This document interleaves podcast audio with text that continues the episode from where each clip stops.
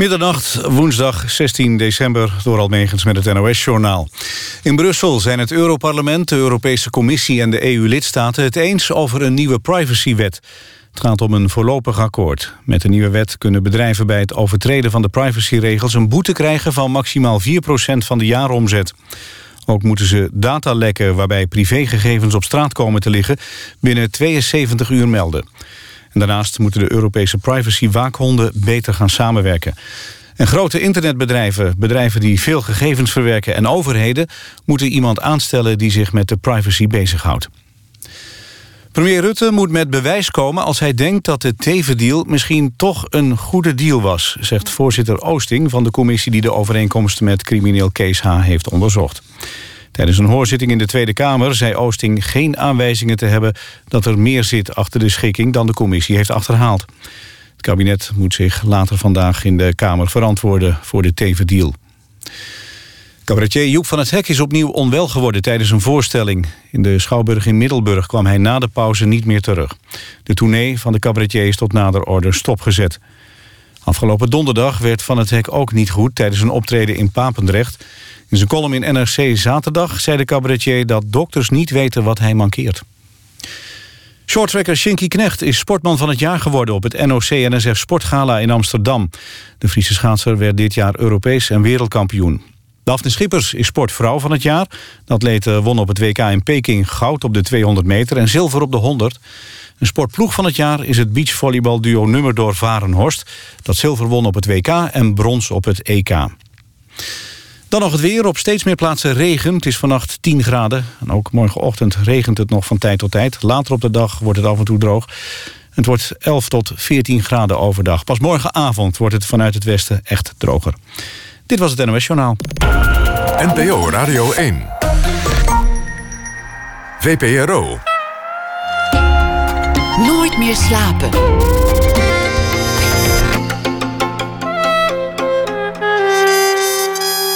Met Pieter van der Wielen. Goedenacht en welkom bij Nooit meer slapen. Erik Jan Harmens schrijft deze week elke nacht een verhaal voor ons. En dat doet hij ook vandaag. En dat zal hij voordragen na een, een verhaal over de voorbije dag. Een vooruitblik op de film Je suis Charlie over de aanslag op Charlie Hebdo, januari afgelopen jaar. We kijken naar de film met cartoonist Ruben Oppenheimer. We beginnen met Porgy Fransen. Dr. B en ons brein is de titel van de voorstelling die hij vanaf eh, komende week zal uitvoeren bij hem thuis. Publiek is welkom. Het is de eerste voorstelling die hij zelf geschreven heeft.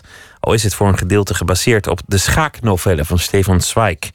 Een man heeft in die novelle leren schaken zonder bord... om zichzelf te behoeden van de gekte in gevangenschap. En dat heeft hij gedaan door zetten van wedstrijden uit zijn hoofd te leren. De voorstelling gaat dan ook over de wonderlijke werking... en de vele mogelijkheden van het geheugen. Ook Fransen staat bekend om zijn talent om dingen te memoriseren. Porgy Fransen, geboren in 1957, acteur, regisseur, nu dus ook theaterschrijver. Won vele prijzen, zit al jaren in het vak en heeft zo'n lange lijst voorstellingen, tv-producties en andere dingen op zijn naam staan dat ik ze niet allemaal meer kan opnoemen. Porgy Fransen, hartelijk welkom. Dankjewel. Ik heb een eh, leuke uitdaging, die, die krijg je wel vaker. Dit doe je. Dat is, dat is iets wat je tentoonspreidt. Een lijst met woorden. 1 tandarts, 2 boekenbon, 3 kater, 4 bijbel, 5 theater, 6 wetsuit, 7 fluitketel, 8 software, 9 schaakbord, 10 huwelijk, 11 ventiel, 12 podium, 13 webwinkel, 14 stripper, 15 kaassoufflé, 16 waarzegster, 17 nagelschaar, 18 atletiek, 19 regisseur, 20 borstimplantaat, 21 hooligan. 20 borst, oké. Ja, nou, ik heb het je net, net één minuut gegeven. Ja, ja. Even naar laten kijken. Dan straks dan draaien we zo'n muziekje. Geef ik je nog een keer. En dan, dan schijnt dat jij het aan het eind van de uitzending zo door elkaar, ja. Door, dan, dan, zeg ik 17. En, ja, en dan zeg ik, uh, dat is... Uh, uh, ik heb ze net een minuut gezien. Maar dat ga ik direct nog even, nou nog ja, even Het is ook laat. Het is ja. nu extra moeilijk. Ik heb dit met 480 woorden gekund. Hoe kan dat? Dat is gewoon een methode. Dat kan jij ook. Dat kan iedereen een methode om, om dingen uit je hoofd te leren. Je maakt er een verhaal bij of een plaatje. Of je nou ja, het. ga je me nu vragen om de methode uit te leggen? Nee, ik wil eerst zien dat die werkt. En daarna wil ik weten ja. wat de methode is. Want als het niet werkt, dan hoef ik het ook niet te weten. Misschien moet ik dat ook niet gaan uitleggen hoor. Want dat, dat, dat ga je toch, dat is best moeilijk om te begrijpen. Ik heb dat bij Pauw een keer, Pauw en Witteman, op tv gedaan, zelfs met een flip-over. Maar dan merk je toch dat mensen dat, uh, nou, dat, heel, dat het niet makkelijk is om te begrijpen wat ik dan doe. Om dat in een minuut uit te leggen, dat is bijna niet te doen. Nee, het was, het was leuk om naar te kijken, maar zowel ja. Pauw als Witteman keken een beetje glazig naar afloop. Ja, maar die eh, Joshua Voer, of hoe heet die kerel, die Voer. Die hersenwetenschapper. Precies, die, eh, die was zeer onder de indruk. Terwijl hij zelf wereldkampioen was geweest. Want ik stond toch ter plekke tijdens de uitzending te bewijzen dat ik dit behoorlijk goed kon met 50 woorden door elkaar. Toch schijnt dat je, dat je in het dagelijks leven vergeetachtig bent. Rommelig, chaotisch, slordig ja. met afspraken. Dat mensen je vaak moeten herinneren. Ja. En dat je, dat je objecten vergeet mee te nemen naar plaatsen. Op vakantie gaat zonder paspoort. Je portemonnee niet bij je hebt. Dat soort dingen. Wie heeft jou dat verteld? Ja, dat, dat maakt niet zo uit. Maar het is waar, toch? Ja, het is absoluut waar. Ik ben, ik ben een dromer en ik ben een chaot. Dat is allemaal waar. Niet op het toneel trouwens, waar ik verdomd goed weet wat ik doe. Dus daar is dat dan toch weer wat anders. Maar uh, over het algemeen, in het gewone leven, uh, ja, bak ik er niet veel van. Nee. Dan heb ik een slecht geheugen, zonder meer. Ik weet s'avonds niet meer wat ik s ochtends gedaan heb, bij wijze van spreken. Is dat ook je fascinatie met het geheugen? Dat je, ja. dat je aan de ene kant er zo goed in bent en aan de andere kant, nou ja, niet zo goed in?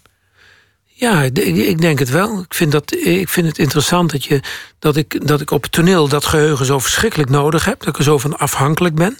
Dat merk ik met het ouder worden natuurlijk ook, omdat het geheugen wat minder wordt. En dat het van de andere kant in mijn gewone leven dus uh, eigenlijk zo faalt op alle, alle fronten. Nou ja, dat, dat zegt natuurlijk het een en ander over, ook onder andere over mijn ambitie bijvoorbeeld. Omdat natuurlijk het, de ambitie om te spelen voor mij zelf heel groot is geweest.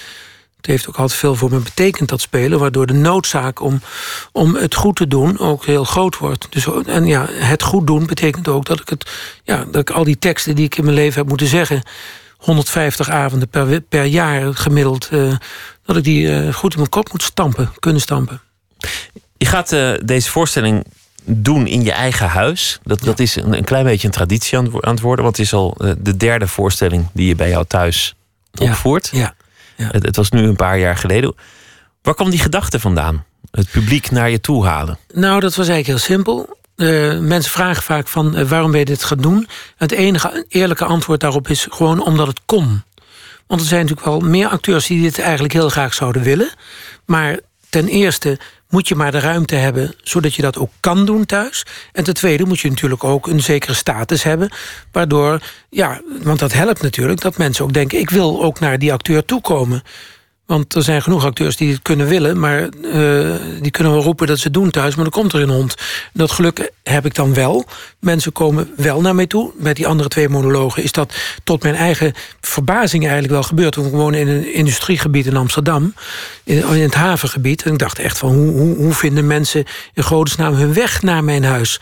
Maar de uh, honger naar cultuur is toch zodanig dat mensen dat dan toch echt, echt gaan uitzoeken. Maar wat is het voordeel boven een theater? Want nu komen mensen met een moddervoeten je huis in en dan moet je nog koffie voor ze maken ook. En, en misschien toch ook een soort uh, ja. invasie van je privacy. Ja, dat laatste heb ik nooit als een probleem ervaren. Ik, ik vind het natuurlijk omgekeerd juist heel erg leuk dat ik niet, nou eens een keertje niet naar, ik moet uitkijken met wat ik nu zeg, maar ik wil toch zeggen, naar Doetinchem hoef. Want dat noem ik dan, maar goed, dat staat natuurlijk voor al die andere plaatsen in Nederland ook. Waar je als acteur, ik al, al bijna 40 jaar, 150 keer per jaar naartoe reis. Want niks tegen Doetinchem, maar dan moet je in een busje, dan sta je in de file, dan ben je onderweg, ja. dan krijg je vies te eten. Ja, en dat wordt steeds erger allemaal. Je moet steeds vroeger van huis, de files worden steeds erger. Dus uh, dat wordt steeds minder prettig. Het is soms ook wel leuk hoor. Als je in een leuk clubje zit met, in een busje... en dan wordt het gewoon onderdeel van je leven. En dat, dat kan ook heel, heel fijn zijn. Maar het is ook vaak genoeg zo dat er dan weer net één iemand bij zit in die bus... waardoor je geen zin hebt om die hele rit te moeten ondernemen. En dan is het weer minder leuk. Dus het is, ja, het is een luxe om te kunnen zeggen... hey, het publiek kan ook naar jou toe komen. En, en bovendien geeft het een sfeer die je in een theater natuurlijk niet ziet. De intimiteit thuis, het hele persoonlijke. Dat Wat is... mensen zeggen ook na afloop wat ze vonden. Ja, ik blijf natuurlijk. Ik blijf gewoon uh, te midden van, van het publiek. En we drinken er een wijntje na. En het is natuurlijk niet groot bij mij thuis. Dus, uh, dus ja, het is heel intiem. En, het, en mensen gaan echt altijd heel gelukkig naar huis. Het was wel groot bij jou thuis. Het was iets groter, maar er is in is een muur bijgekomen. penthouse is er, een, uh, is er een muur gebouwd... inderdaad om mij te scheiden van mijn vrouw... die inmiddels mijn ex-vrouw is... en die inmiddels gelukkig ook veel gelukkiger is dan ze met mij was. Maar ze woont nog aan de andere kant van de muur. En tussen ons in woont, woont ons kind met een deur naar de vader... en een deur naar de moeder, Robin. Dat is mijn uh, dochtertje van 13. En dat is eigenlijk een hele goede situatie geworden... waar iedereen heel veel beter van is geworden. Maar de ruimte is inderdaad iets kleiner geworden.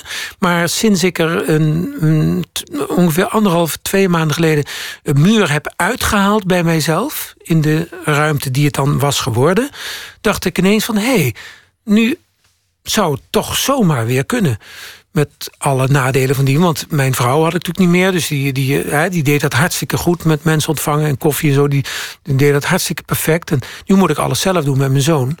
Nou, wat ook weer een uitdaging is. Klinkt als een hele praktische constructie. Maar, maar ik, tegelijk kan ik me ook voorstellen dat voor veel mensen het ondenkbaar is om nog naast een ex-geliefde te wonen. Ja, ja, natuurlijk. Ja, dan ja. moeten die muren wel heel dik zijn. Nou, dat zijn ze niet. Ze zijn behoorlijk gehoorig, want we hebben het allemaal zelf gebouwd om uh, kostenbesparend te werk te gaan. Dus, uh, maar we kunnen het heel goed met elkaar vinden. Dus dat, dat, uh, dat is de redding van alles. Want anders was ik natuurlijk verhuisd. Dan kan je maar beter een eind verderop wonen. Maar dat hoeft in ons geval niet. In relatieve vrede uit elkaar gegaan? Ja hoor, ja, ja, dat is even wel moeilijk geweest. Maar dat is nu allemaal geland. En het kind woont tussen ons in, wat natuurlijk een enorme rijkdom is. Want ze kan altijd naar papa en ze kan altijd naar mama. En papa en mama kunnen het nog altijd goed met elkaar vinden. Dus, uh, en mama woont inmiddels met, een, met een, een, een vrouw aan de andere kant van de muur. Dus die heeft haar ware geaardheid ook ontdekt. En die is eigenlijk alleen maar... Die heb ik gelukkig gezien worden. Dus uh, ja ik kan er eigenlijk alleen maar blij om zijn. Want ik heb zelf ook een nieuwe liefde, René Fokker. En ja, dus uh, we zijn er eigenlijk allemaal beter van geworden. Wiens idee was het? Kom, we bouwen gewoon een muur, dan hoeft er niemand weg. Um, Hoe ontstaat zoiets? Nou, dat is eigenlijk... Dat is eigenlijk door mijzelf gekomen, omdat ik dacht, ja, die situatie wordt natuurlijk heel moeilijk als je met zo'n pand zit met een hele hoge hypotheek en dat moest ik allemaal betalen. En, en, en, en um, ik dacht, uiteindelijk van ja, waarom zouden we niet delen in de rijkdom die we hebben? De relatieve rijkdom weliswaar, maar toch. Want als ik ergens anders moet, ja, dan, ga je enorme problemen op de hals halen. Dan moeten zij er ook allemaal uit. En dan moet alles verkocht en zo. En nu hebben we gewoon gedacht, nou, dat hele gebied is trouwens in ontwikkeling, hè, dat havengebied in Amsterdam.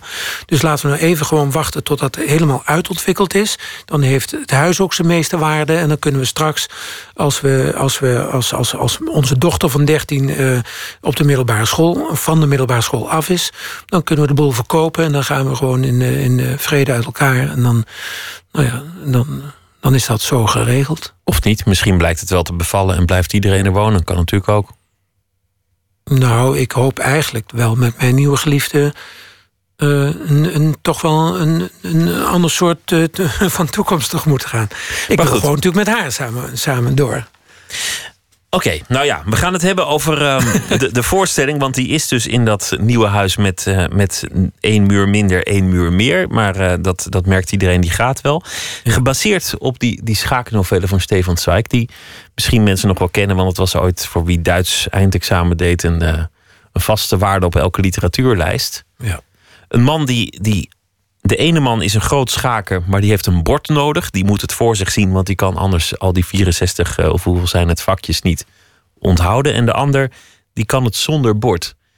Dat kunnen sommige mensen. Hele wedstrijden memoriseren, gewoon zetten uit het hoofd leren, uit schaakboeken ja, ja, of, precies, documentaires. Ja. Ik heb het ook over ene Flash in 1972, die in staat was om 52 uh, partijen schaak naast elkaar simultaan en geblinddoekt te spelen. Hè. Moet je je voorstellen dat hij zich bij iedere uh, uh, zet de stelling voor de geest moest halen. En moest hij nog zien te winnen ook. Was een immense geestelijke inspanning die dan ook door de voormalige Sovjet-Unie werd verboden.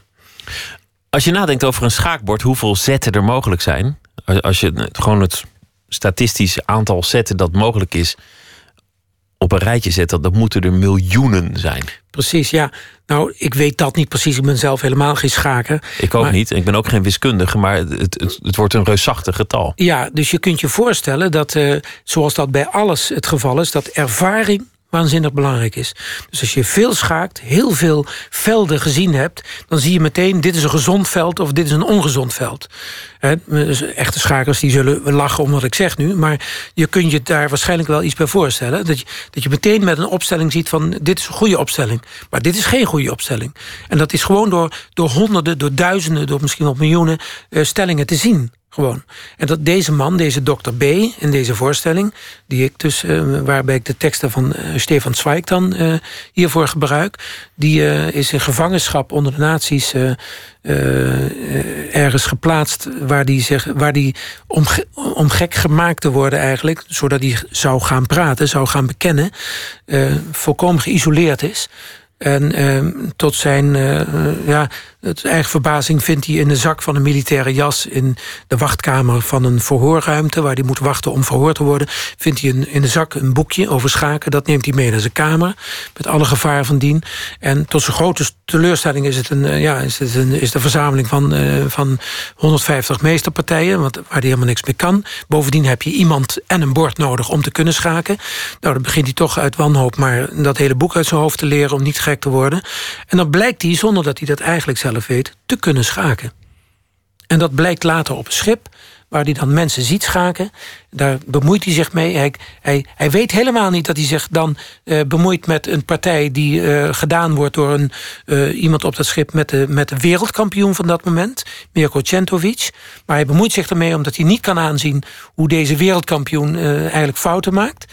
En dan, en dan, ja, dan, dan, dan is het natuurlijk enorm spectaculair wat er dan op dat schip gebeurt. En dan gaat hij vervolgens in zee met die wereldkampioen. En dan ontwikkelt het verhaal zich. En ja. het, het mooie is dat een, een grootse daad, namelijk het verslaan van een kampioen, heel dicht bij de waanzin ligt bij deze man. De waanzin ligt op de loer. Een, mooi thema ook, omdat je zowel wit als zwart speelt als je tegen jezelf speelt. En als je dat in je hoofd doet, dan ja, dan, dan, dan maak je al een soort tweespalt in, in je hoofd natuurlijk. Ja, dat, dat is een potentiële kortsluiting. Ja, ja, ja, ik heb er ook een stuk tekst over in die voorstelling. Ik zal hem hier nou niet gaan zeggen, want het gaat me niet lukken. Maar waarin hij inderdaad uh, beschrijft hoe hij niet alleen maar met zichzelf speelt... hoe hij niet alleen maar tegen zichzelf speelt... maar hoe hij zichzelf ook nog eens begint uit te dagen. Want hij kan natuurlijk niet uitstaan als zijn andere ik... het zwart ik en het wit ik, heeft hij het dan over... als het andere ik wint van zijn, van zijn eigen ik. Maar hij is natuurlijk beide ikken, want hij is zwart en wit... want hij moet met zichzelf spelen. En dat leidt uiteindelijk tot zijn schizofrenie. Hij wordt compleet gek in die gevangenis. Hij wilde voorkomen dat hij gek zou worden en werd het uiteindelijk toch? Hij werd het toch, maar tegelijkertijd is het ook zijn redding. Want daardoor wordt hij eigenlijk, is hij, wordt hij uiteindelijk ja, is hij, is hij waardeloos voor de verhoren. En dan wordt hij, komt hij in een ziekenboeg terecht en dan mag hij, mag hij weer naar huis. Ik uh, geef je nog even dat, dat, dat lijstje met, met die willekeurige woorden. Tandarts, oh boekenbon, kater, bijbel, theater, wetsuit, fluitketel, software. Ga zo maar verder. Ja. Schaakbord. Ja. Ik ga er even naar kijken. Jij draait een muziekje, geloof ik. Ja, we hebben een, een, een plaat. Dan heb ik hier... Uh, nou, kijk, ik ben ook best wel rommelig. Dan heb ik die lijst met al die mooie platen niet... Nou, ik begin vast te stampen, want het is... Oh ja, ik heb hem hier. Het is een kerstplaat, ook dat nog. Oh. Sharon Jones, Ain't No Chimneys in the Projects. Nou...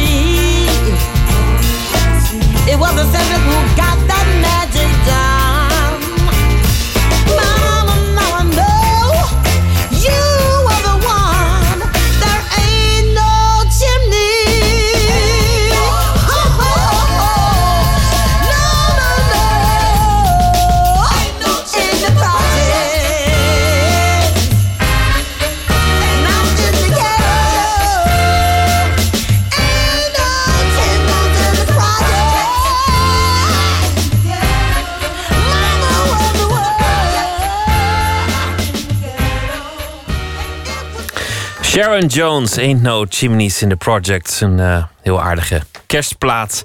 Autobiografisch uh, liedje ook van uh, Sharon Jones. Nooit meer slapen in gesprek met Porgy Fransen.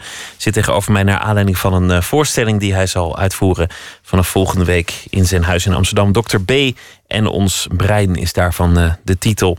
Ja. Je bent geboren in 1957 in een groot katholiek gezin in, in Eindhoven. Ja. Je was één van veertien kinderen, dan ook nog één van een tweeling. En dan ook nog ergens halverwege. Ik geloof dat, dat nummer zes en dan nummer zeven, dat waren dan de tweeling. Zes boven mij, zes onder mij.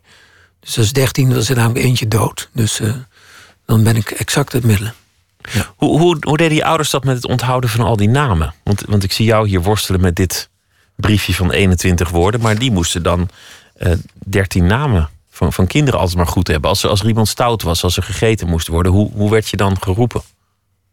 Bij je naam natuurlijk. Maar dat, dat, dat wisten ze gewoon van al die kinderen altijd. Ging dat nooit een keer mis? Nou ja, inderdaad. Mijn vader die zei altijd van... als hij mij wilde roepen, Porgy... dan zei hij uh, Jet, uh, Hein, nee, uh, Porgy. En dan bij de vierde kwam je daar. Daar moesten we altijd wel om lachen. Maar dat is meer een verstrooidheid dan... dan want hij wist natuurlijk verrekte goed hoe ik heette. Je weet van je kinderen echt wel hoe ze heten, hoor. Al heb je er twintig. Ja, maar in, in, de, in de hitte van het moment... Nou ja, ik, ik kan me ook wel voorstellen dat je het weet. Porgy en Bess, jullie werden... De tweeling kregen een naam naar muziek. Want het was, was eigenlijk een familie waar de muziek heel centraal stond. Ja, ja, er zijn er eh, veel bij mij thuis in de, in de muziek gegaan. Professioneel, bijna iedereen eigenlijk. Nou ja, in ieder geval zeven of acht of zo. Ik ben de enige die dan toneel is gaan doen. Ja. Maar als kind trad je ook op met de familie. Jullie, jullie waren een soort koor en jullie, jullie gingen dan al eigenlijk uitvoeringen doen. Ja, wij waren echt een familie van trap. Trap, ja, absoluut. En ook, ook hoog niveau trouwens. Hè? Want ik bedoel, daar, daar, uh, daar zou, zou ik nooit uh, laat Dungert over doen. Want het wat, was echt goed. We hadden ook veel optredens. We hebben, ik geloof, drie, vier keer bij Stuiver Zin opgetreden. We hebben de Gouden Stuiver gewonnen. We hebben de VTR, VTR en de, de Onkel Bob in België voor televisie opgetreden. We waren best beroemd in Zuid-Nederland. Wat voor repertoire was het? Wat, wat, waren dat voor optredens? Voor de pauze populair, na de pauze uh, klassiek. Nee, voor de pauze klassiek en na de pauze populair. En dan, dan het hele gezin op het podium? Ja, behalve de vader. Behalve de vader, die, die, die, die lag thuis slapend voor de Duits naar gesynchroniseerde westerns te slapen. Had hij er geen zin in of was hij niet muzikaal? Hij was zeker niet muzikaal. In het begin heeft hij wel de boel aan elkaar gesproken, maar dat heeft hij geloof ik drie keer volgehouden. En toen uh, heeft hij, uh, uh, nou ja, het, het, aangename gedaan natuurlijk. Gewoon lekker thuis blijven terwijl iedereen weg was. Je moeder was zangpedagoge of, ja. of, of, of, iets dergelijks. Hoe moest je eigenlijk thuis ehm, punten verdienen of, of je, je, je plek veroveren of opvallen? In zo'n groot gezin. Moest je, moest je vechten ja. voor je plek? Nou, ach, dat ging eigenlijk allemaal best wel vanzelf. Het is maar hoe je erover praat natuurlijk. Want er zijn natuurlijk ook heus wel wat kinderen hier en daar beschadigd waarschijnlijk en zo. Maar, en de code is heel sterk van, hè, je moet je aan bepaalde codes houden. Dan is alles helemaal prima. Maar eh, ik geloof toch dat iedereen er gezond van afgekomen is. Iedereen heeft een hbo-opleiding gehad. Uh, iedereen had taken. Er hingen lijsten aan muren en zo waar je aan moest houden. Er was één keer in de maand een vergadering... waarbij mijn moeder ook letterlijk met de hamer aan tafel zat... en gewoon die vergadering voorzat. Dat werd allemaal georganiseerd en dat ging allemaal eigenlijk uh, heel goed. Daarnaast deden we die muziek, dus er was één of twee keer per week... echt repeteren, repeteren wat altijd een grote chaos was. Maar zodra we dan optraden, dan stonden we daar in de witte bloesjes... heel keurig uh, een, een, een, een vroom gezinnetje uit te hangen. Maar je was nooit alleen als kind? Nee, ik was natuurlijk nooit alleen. Nee, nee. Nee, maar het ging altijd in groepjes. Hè? Een paar boven me, een paar onder me. Met de meeste had je natuurlijk weer geen contact. Maar ja, dat, en dat veranderde ook altijd. Dat was een wereld op zich. En je kon je ook wel alleen voelen. Want ik ben, je maakt natuurlijk toch die ontwikkeling door. Van puber en de eenzaamheid. Ik lag altijd s'nachts op uh, Tchaikovsky te sterven in bed. Op muziek. En dan voelde ik echt wel dat ik een individu was en alleen was. En misschien nog, nog een beetje ongezien dan toch ook in die, in die alleenigheid. Ja, ja, je bent wel geneigd om dat te denken. Je ouders hebben natuurlijk niet zo de aandacht die je wel hebt als je drie kinderen hebt, of vier of twee. Dat is waar, maar je hebt wel weer de aandacht van, van oudere zussen en broers en zo. Dus je voedt elkaar op. En ik, ja, ik heb zelf toch het idee dat het een hele gezonde vorm van, van opgroeien is geweest. Nou ja, vroeger was het heel gewoon trouwens, hele grote gezinnen. Ja, zeker in het zuiden van het land. Ja. Heb je overwogen om, om muzikant te worden? Nou, ik, ik speel dwarsfluit. En ik heb inderdaad toelating gedaan aan het conservatorium. Daar was ik voor aangenomen. Dus ik had dwarsfluitist in een orkest kunnen worden. Dat is 40 jaar geleden. Toevallig heb ik die dwarsfluit uh, afgelopen half jaar weer opgenomen voor het eerst. En ben ik weer serieus lessen gaan nemen. Wat enorm bevalt. Maar toen haatte ik het instrument. Vandaar ook dat ik dus iets heel anders ben gaan doen. En dat werd de, de toneelacademie uiteindelijk. Ja, waar, waar kwam dat vandaan? Ja, dat is dan toch. Wij, wij hielden bijvoorbeeld improvisatieavonden thuis. Dus een soort toneelavondjes. En uh, ja, dat past misschien niet in dat beeld van de muziek. Maar dat was dan op zaterdagavond, weet je wel. Eh, ik herinner me nog zwart-wit tv en, en, en uh, hoe heet die kerel? Um, nou ja, bepaalde programma's. En, en, en, en daarnaast, dat dan was, was alleen maar Nederland 1, 2, 1 en 2, geloof ik zelfs. En dan was het chips en cola. En, dan, en dan daarna gingen we improviseren met z'n allen. En dat was het hoogtepunt altijd mijn vader en ik. En voor mij was dat natuurlijk een waanzinnig belangrijke ervaring, omdat ik dan ja, ineens gezien werd. Dus ik had ineens het gevoel van, hé, hey, ik besta, weet je wel. Er wordt naar me gekeken. Er zijn zomaar 13, 14 mensen die naar me kijken. 28 ogen die echt op mij gefocust zijn. En ineens, daar groei je van. Hè? Dus dat was voor mij een ervaring... die ik eigenlijk niet als dromerig jongetje verder helemaal niet kende. En wat speelden jullie dan? Improvisaties? Wat, hoe ging dat? Nou, ja, ik herinner me bijvoorbeeld een uh, improvisatie wel met, met mijn vader... dat we dan de opdracht kregen... jullie zitten samen vast in de lift. En dan zat ik met mijn vader vast in de lift. En dan, ja, ik, ik weet niet meer wat dat de opdracht precies was... maar dan zaten we vast in de lift. En dan zaten we daar tien minuten te improviseren. En dat, ja, dat, maar wat, wat, wat ik me natuurlijk vooral herinner... is gewoon ja, dat je dan gezien wordt. Hè, dat, maar niet als jezelf. Je, wordt je wordt gezien als, als een type dat je speelt. Ik bedoel, je bent het wel. Het, het, het, is jouw lijf. Het zijn jouw ogen, het zijn jouw woorden. Het is jouw mond. Maar je wordt niet gezien als Porgy. Ja, maar het is natuurlijk wel Porgy die dat kan. Dus ineens wordt er gezien van... hé, hey, Porgy, die kan dat. Die is daar goed in. En dat is natuurlijk wel het deel waar je wel degelijk Porgy bent. Heb je daarmee geworsteld met, met het, met het acteur, acteur zijn? Ja, ja, toch wel. Ja. Dat zeg ik in mijn monoloog ook, want ik heb het over het brein en over het geheugen in deze vertelling, Dr. B. in het brein. Um, het geheugen natuurlijk met betrekking tot mijn eigen geheugen als acteur ook. Wat ik ontzettend nodig heb, dat geheugen.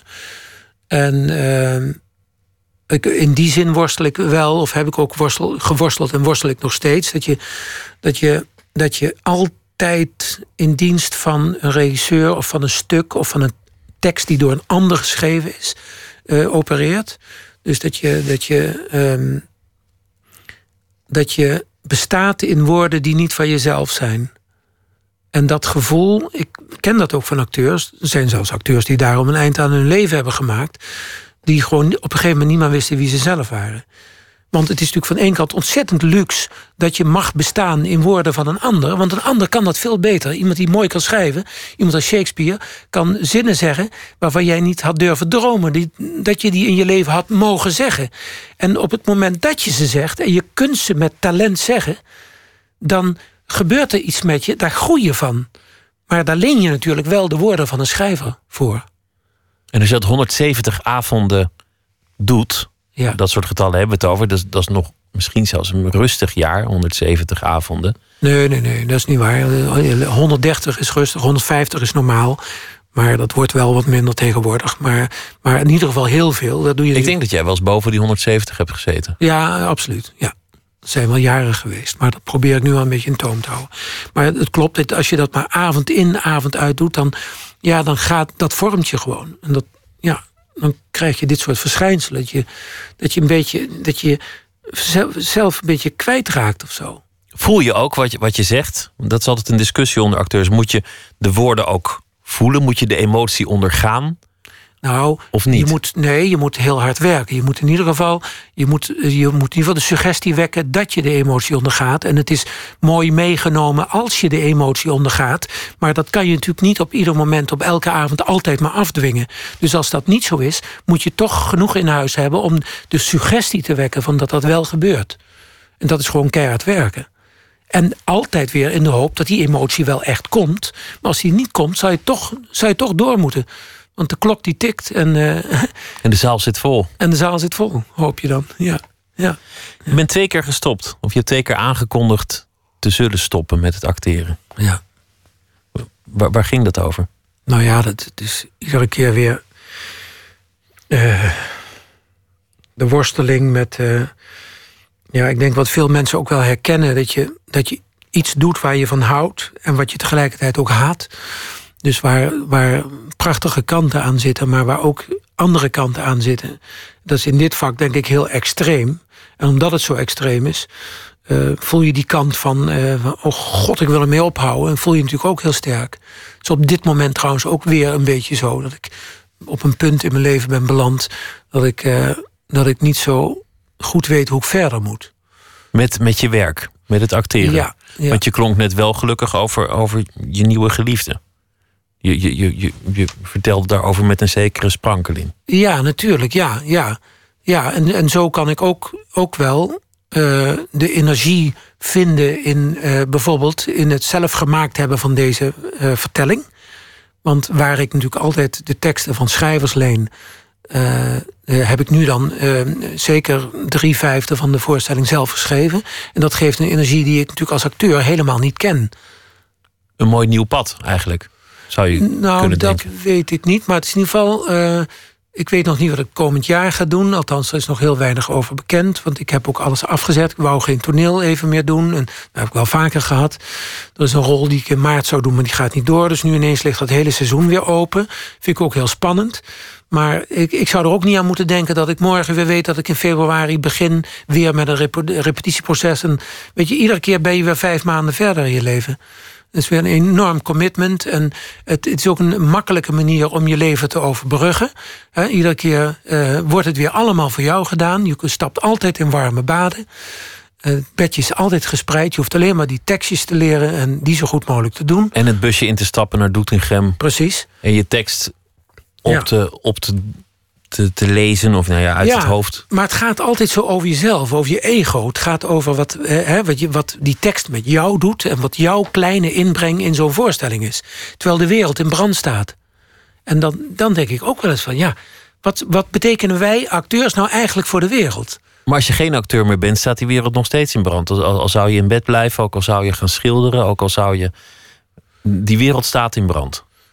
Ja, maar, maar ik heb het erover dat, dat, dat, eh, dat ik vind dat ik, ja, dat ik, dat ik daar ook iets mee zou moeten doen. Of dat ik dat meer in mijn leven zou willen betrekken. Dat je betrokkenheid voelt bij de wereld. In plaats van dat je altijd maar bezig bent met, je, met, met, dat, met die teksten die je moet leren. En dat die hele kleine bijdrage die je, die je levert aan, een, aan de tot, totstandkoming van, van een, hoop ik, goed toneelstuk. En dat, natuurlijk is dat mooi, maar jouw bijdrage erin is natuurlijk in wezen heel, heel klein en heel. Die gaat zo over mijzelf, weet je wel? Wat, wat tekst met mij doet en wat. Het moet voor mij natuurlijk veel betekenen, anders kan ik het niet overdragen, anders komt het niet over het voetlicht. Als ik dat talent heb, dan ben ik waar ik wezen moet, dan ben ik een goed acteur. Maar dan ben ik alleen maar dat. Maar je kunt ook zeggen, het is iets heel wezenlijks. Mensen gaan naar een voorstelling, doen daar inspiratie op over, over het bestaan, over de wereld. Die leren misschien teksten kennen die ze anders nooit zouden hebben gekend. Ja, Kunnen dan- voorstellingen Ja. zien die onvergetelijk blijken. Ja, dat is natuurlijk ook heel, Als je, als je die heel erg twijfel toestaat, gebeurt. dan ben je verloren. Ja. In, in ieder vak. Ja, maar dan heb je het over de reactie van de mensen. En ik heb het natuurlijk over mijn, over, over wat ik doe, wat, wat ik daarvoor doe. Natuurlijk vind ik dat fijn. En met Novecento of zo, of Zijde, eh, die eh, monologen die ik heb gedaan van Barrico. en die ik eh, ook thuis speelde, gingen mensen echt wezenlijk gelukkig naar huis. Dat was echt zo. En dat zag je gebeuren en dat voelde ik. En dat was voor mij natuurlijk ook heel waardevol. Dat was ook heel waardevol. Maar ja, hoe vaak gebeurt dat nou? Dat gebeurt niet zo heel vaak. Dat weet ik niet. Nee, dat gebeurt niet zo vaak. Van de, van de vijf stukken die je doet, gebeurt dat misschien één keer. Maar ook vier keer niet. Ja, dan ben je toch vijf jaar verder. Of vier. Hoe kwam je de vorige keer uit, eh, uit die, die fase van vertwijfeling? De vorige twee keer. Wat was het dat, dat, dat, dat je toch ineens deed besluiten om, om het wel weer te doen? Om toch Nou ja, door te ja, gaan? dat is de tragiek van, eh, van, dat, uh, dat het brood gewoon ook op de, uh, op de tafel moet en dat er weer verdiend moet worden. De huur, het gas, het water, het ja, licht. Ja, dat is, helaas is dat in mijn geval heel erg waar. Want ik heb een uh, heel hoge hypotheek. Dus mijn kosten zijn altijd heel erg hoog. En de laatste jaren, zeg maar drie, vier jaar, heeft me dat ook echt parten gespeeld. Dat is natuurlijk een onderdeel van het ouder worden. Hè? En ineens zit je in een situatie waarvan ik eigenlijk schreeuwend bijna dagelijks uh, er vanaf wil. Alle troep die je om je heen verzameld hebt. Ja. Alle schulden die je bent aangegaan, alle lasten. Ja, ja, ja, ja, ja. Ja, en dat, dat, dat gaat zich, denk ik, het komende jaar gaat dat voor mij heel belangrijk worden. Want, want nou ja, ik ben al bezig om de, hypotheken die ik heb, weet je wel, te bundelen naar één. En grote boete te betalen om minder uh, rente te hoeven betalen en zo. Maar goed, dat is nog altijd. Ik heb ook net een, wandeling naar Santiago gemaakt, een paar maanden geleden. Ik ben bezig met dingen van me af te gooien en met minder uh, toe te kunnen en zo. Maar ja, materieel gezien, we, we, leven toch in een systeem en een wereld waarin, uh, waarin het allemaal met geld uh, vertaald wordt. En waarin je dat hebben moet, wil je, wil je kunnen functioneren. Nou ja, goed, ik zit daar nou een beetje wijs over te doen. Maar natuurlijk... Nou ja, het, het, klinkt als een, het klinkt eigenlijk een beetje als een midlife crisis die, die een beetje laat aankomt. Kloppen. Nou, god, ik zit mijn leven lang al in een midlife crisis. Ik, bedoel, ik zit altijd te worstelen. Ik, ik, heb, ja, ik heb altijd best wel worstelt best wel. Maar het moet, moet, ik, ik moet ook wel zeggen... Kijk, dat worstelen is ook voor een heel groot deel van mijn leven... van heel wezenlijk belang geweest. Omdat ik dat ook wou. Ik won ook prijzen. Ik werd ook gezien. Ik werd erkend in mijn worsteling. Dus mijn worsteling leidde er op het toneel ook altijd toe... Uh, ik kon mijn talent ontwikkelen en ik kon het ook laten zien. En dus dat was ook heel fijn, want ik Kortom, werd als jij, als jij nooit dacht, wat, wat is het eigenlijk zinloos wat ik aan het doen ben? Wat is dit klein? Wat, wat, wat is dit futiel om in een, een busje naar Doetinchem te stappen? Als je die twijfel niet had gehad, dan had je nooit het hoge niveau bereikt. Nee, inderdaad, ja. ja. ja daar, daar komt ja. uiteindelijk iets uit. Je moet jezelf pijnigen met, met, met, Ja. met existentialistische Ja. gedachten. Nou ja, je, je moet natuurlijk helemaal niks. Maar als dat in je zit om, om, om, om dat te willen doen, om wat voor reden dan ook. Bijvoorbeeld om, daar, ja, dat, daar, ik denk altijd dat, dat het dat is. Je wil natuurlijk, je wil gelukkig worden en je wil dus groeien. Je wil groeien als, als mens, als persoon. Hè? Je wil groeien, je wil ontwikkelen. En, en, en in dit vak kan dat natuurlijk prachtig, middels al die personages die je altijd mag spelen. Want je begint jezelf steeds beter te leren kennen. Heb je dat ook op andere vlakken? Je bent acteur, maar je denkt ineens na, na 25 jaar in het vak, of wat zeg ik, 35 jaar in het vak. Denk je ineens, ik zou misschien ook iets heel anders kunnen zijn. Heb je dat ook op andere vlakken? Nou, is, is dat ook waar ik- het, waar het ik- huwelijk misging? Ik heb dat op dit vlak gewoon. Ik, ik, eh, ik, ik, ik zou me eigenlijk. Ja, ik denk wel eens van. Je zou dat kunnen beantwoorden met de vraag: als je nou morgen 5 miljoen won, wat zou je dan doen? Denk ik vaak. En dat vind ik een hele moeilijke vraag. Want ik denk dat wel dat ik onmiddellijk met alles zou stoppen. Dat geloof ik wel. En ik denk dat ik een, eh, misschien dan toch een ander huis zou kopen of zo. Maar, en ik weet niet in, in het vak wat ik dan. Ik, eerlijk gezegd, ja, ja, jawel. Ik geloof, zou een camera kopen en ik zou gaan filmen. Dat zou ik gaan doen. Toch wel. Ja. Maar dan word je, word je toch weer gezien. Of althans, jouw werk wordt toch weer gezien. Want dat, dat is natuurlijk uiteindelijk wat je wel nodig hebt. Ja, maar niet meer, niet meer. Die erkenning heb ik echt niet meer nodig. Dat zal mijn worst wezen. Want mensen gaan al 40 jaar staan en klappen. En, en, en ik denk alleen maar s'avonds van... nou ja, jongens, het is wel goed zo. Ik wil, ik wil weer naar huis, weet je wel. Klap maar een beetje minder eh, lang. Maar wa- was dit ook de twijfel die uiteindelijk in je huwelijk optrad? Ha- Had je daar dat ook? Dat je dacht, goh, ik zit hier, maar ik zou ook daar kunnen zitten. Is dit het wel? Eh, nou, in mijn, ja, daarvan kan ik zeggen dat er mij iets overkwam wat ik helemaal niet meer verwacht had. Namelijk dat ik zo verliefd werd op een andere vrouw. Ja, dan. De, wij zeiden altijd van ja, toen dat gebeurde, van er is geen, we zijn de aap gelogeerd, er is geen weg terug. Er is gewoon, ja, dat Het was te sterk. Het was zo sterk dat, je- ja, dat, je, dat je ook jezelf verloochenen zou als je daar geen gehoor aan zou geven. Even los van, van, van, van of, of, hè, hoe je huwelijk eigenlijk was. Wat de kwaliteit van het huwelijk was. Want zoiets zou waarschijnlijk misschien minder snel gebeuren... als het niet nodig was dat het gebeurde. Maar er waren natuurlijk wel redenen waardoor het ook kon gebeuren. Zowel voor mij als voor eh, René. En dat is eigenlijk waar, waar ik naar vraag. Omdat sommige mensen kunnen dat. Ik ben er zelf ook nooit zo'n ster in geweest. Sommige mensen kunnen zeggen: ik ben de bakker en ik bak de rest van mijn leven brood. Of, of, of ik woon in de Jan Steenstraat, dat is mijn plek. Ja. Of bijvoorbeeld, Ja. ik ben acteur, ik draag teksten voor.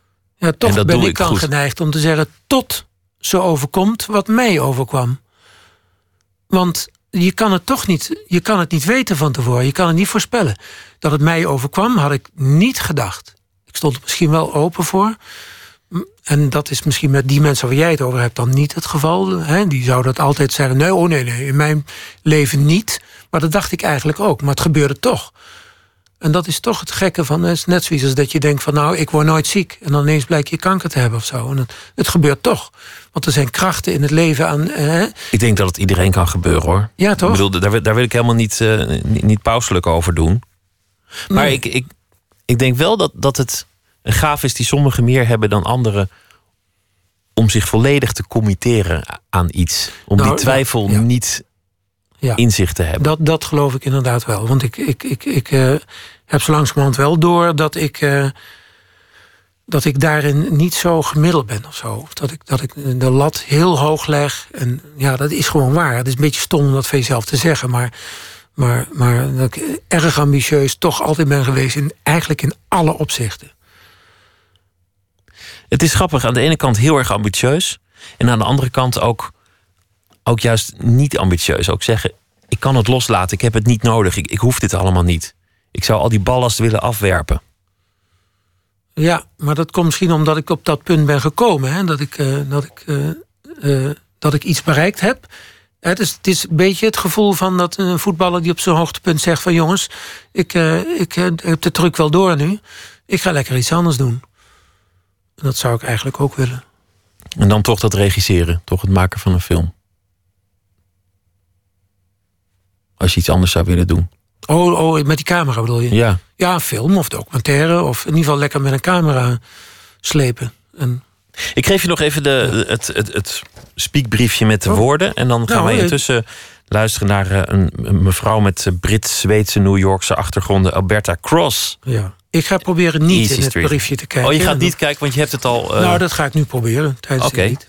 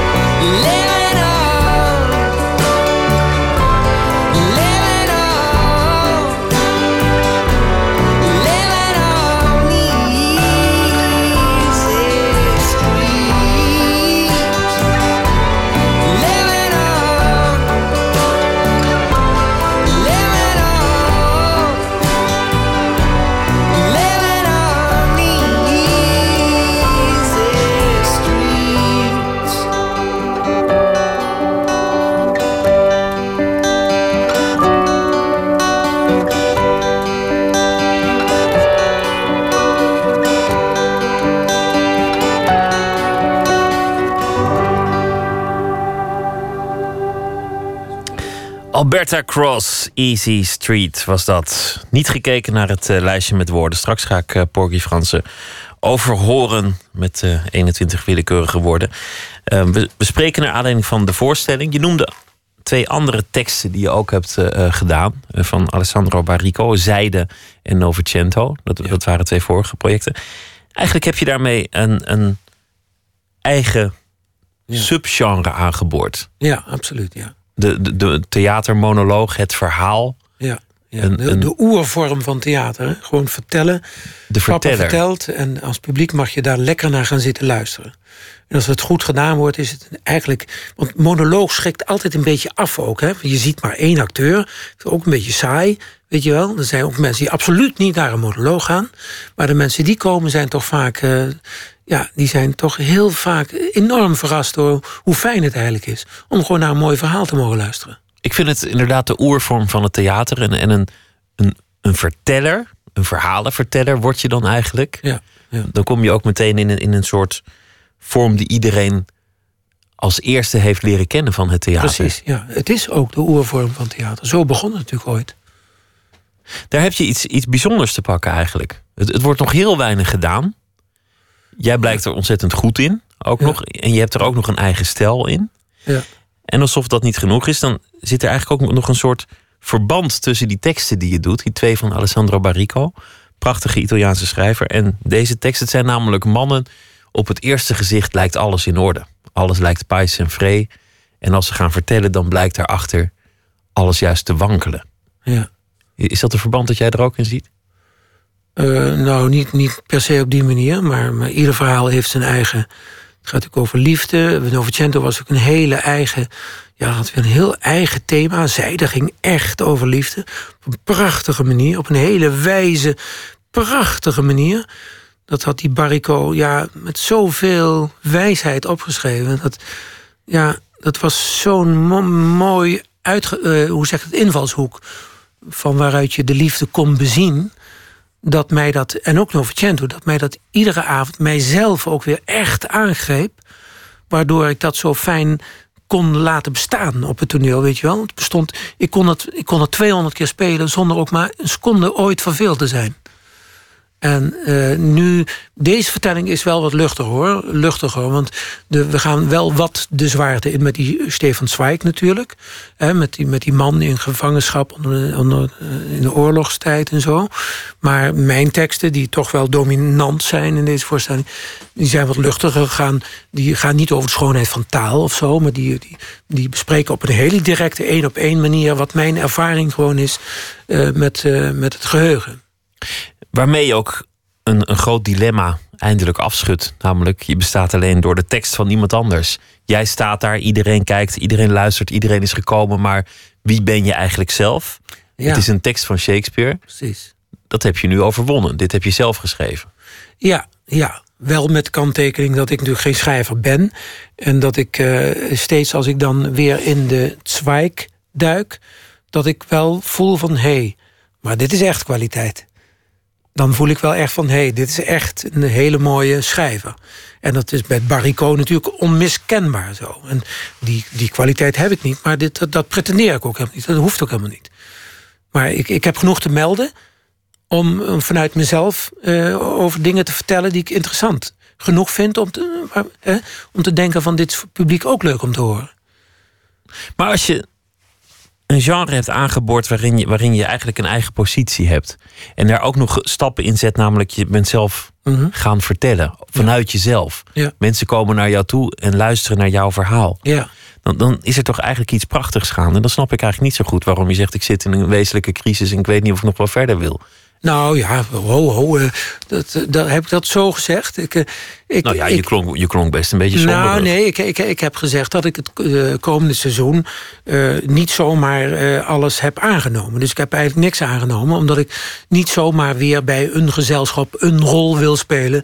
Gewoon omdat er weer, weet ik veel, om, om, omdat, die, om, omdat die machine altijd maar doordraait. Dat begrijp ik heel goed. Ja. Dat je dat zegt. Omdat je dan in een soort routine zit en dan ben je weer vijf maanden verder. Nou, en dan doe je dat eh, even rekenen, vijftig keer ben je dood. Precies, ja, dat soort gedachten krijg ik dan ook. Dit, dit nog 15 seizoenen en ik ben, eh, ik ben, vijf, ben ik bijna 80, weet je wel? En dan, ja, dan is het klaar. En dat vind ik jammer, want ik wil, ik wil er meer uithalen. Ik wil dus een andere kant op. Maar wat die kant precies is, even los van dat ik dit nu dan zelf schrijf. Het zou best kunnen zijn hoor, dat dit meer mijn weg gaat worden. Dat ik dit meer wil gaan doen.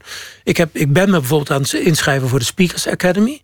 Want ik vind het leuk om bijvoorbeeld. eh, Ik zou heel graag voor bedrijven willen spelen. Gewoon om, om, om, om te laten voelen wat het is om te inspireren. En om, wat managers natuurlijk nodig hebben. Want de wereld verandert enorm. Het is ontzettend nodig, ook voor bedrijven. om te snappen dat ze op een hele andere tour door moeten gaan. En wat ze daarvoor moeten begrijpen is dat iemand eh, geïnspireerd is en geëngageerd is. En als je dat ziet, als je die overtuiging ziet bij een acteur.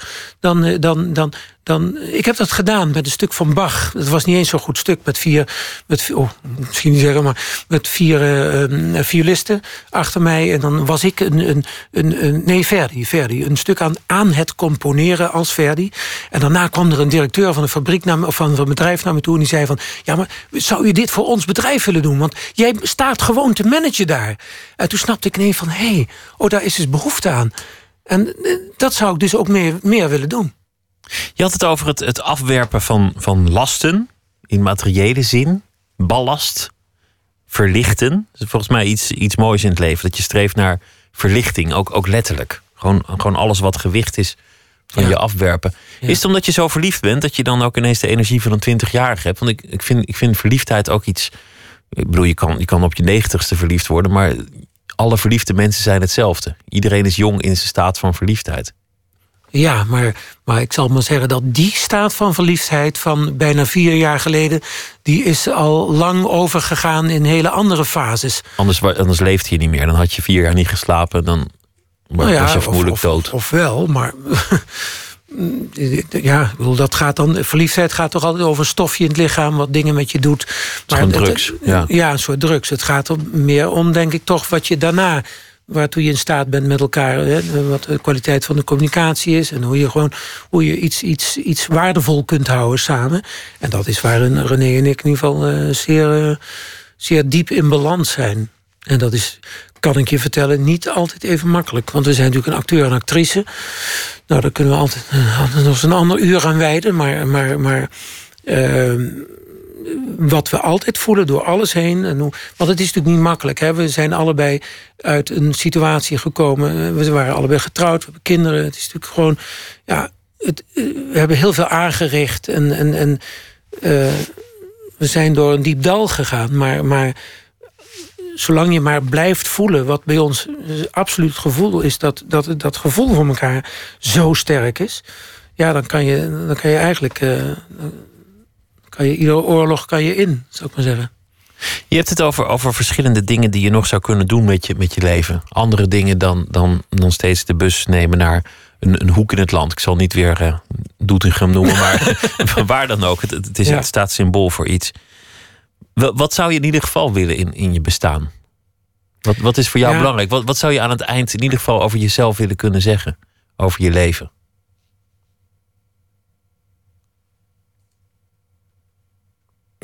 God. Ja. Kijk, ik heb eigenlijk, als ik heel eerlijk ben, het gevoel dat ik er al heb uitgehaald wat erin zit. Ik mag heel blij zijn dat ik toneel ben spelen, want ik was een dromerig jongetje wat, wat, wat vreemd de wereld inkeek. En, eh, en ik heb. Ik weet nog dat ik op middelbare school naar een toneelvoorstelling keek en niet eens door had dat dat echte mensen waren. Dat die echt bestonden. Een paar jaar later zat ik op de toneelschool. En nog geen tien jaar later ging het heel goed. En het is altijd heel goed blijven gaan. Ik heb me daar waanzinnig in kunnen ontwikkelen. En ik ben een beetje op punt, ja, ik denk, ja, ja, ja. Eigenlijk is dat een beetje, een beetje uitontwikkeld misschien. Ik kan natuurlijk nog veel rollen spelen. En natuurlijk eh, zijn er nog oude rollen voor mij in Shakespeare's en noem maar op. Die mij iedere keer weer het gevoel zouden kunnen geven van... goh, dat ik dit toch mag zeggen, dat ik dit toch mag doen. Ik blijf groeien. Dat is wel zo. En ik weet ook zeker dat er acteurs genoeg zijn die zo oud worden. En die zo ook gelukkig oud worden.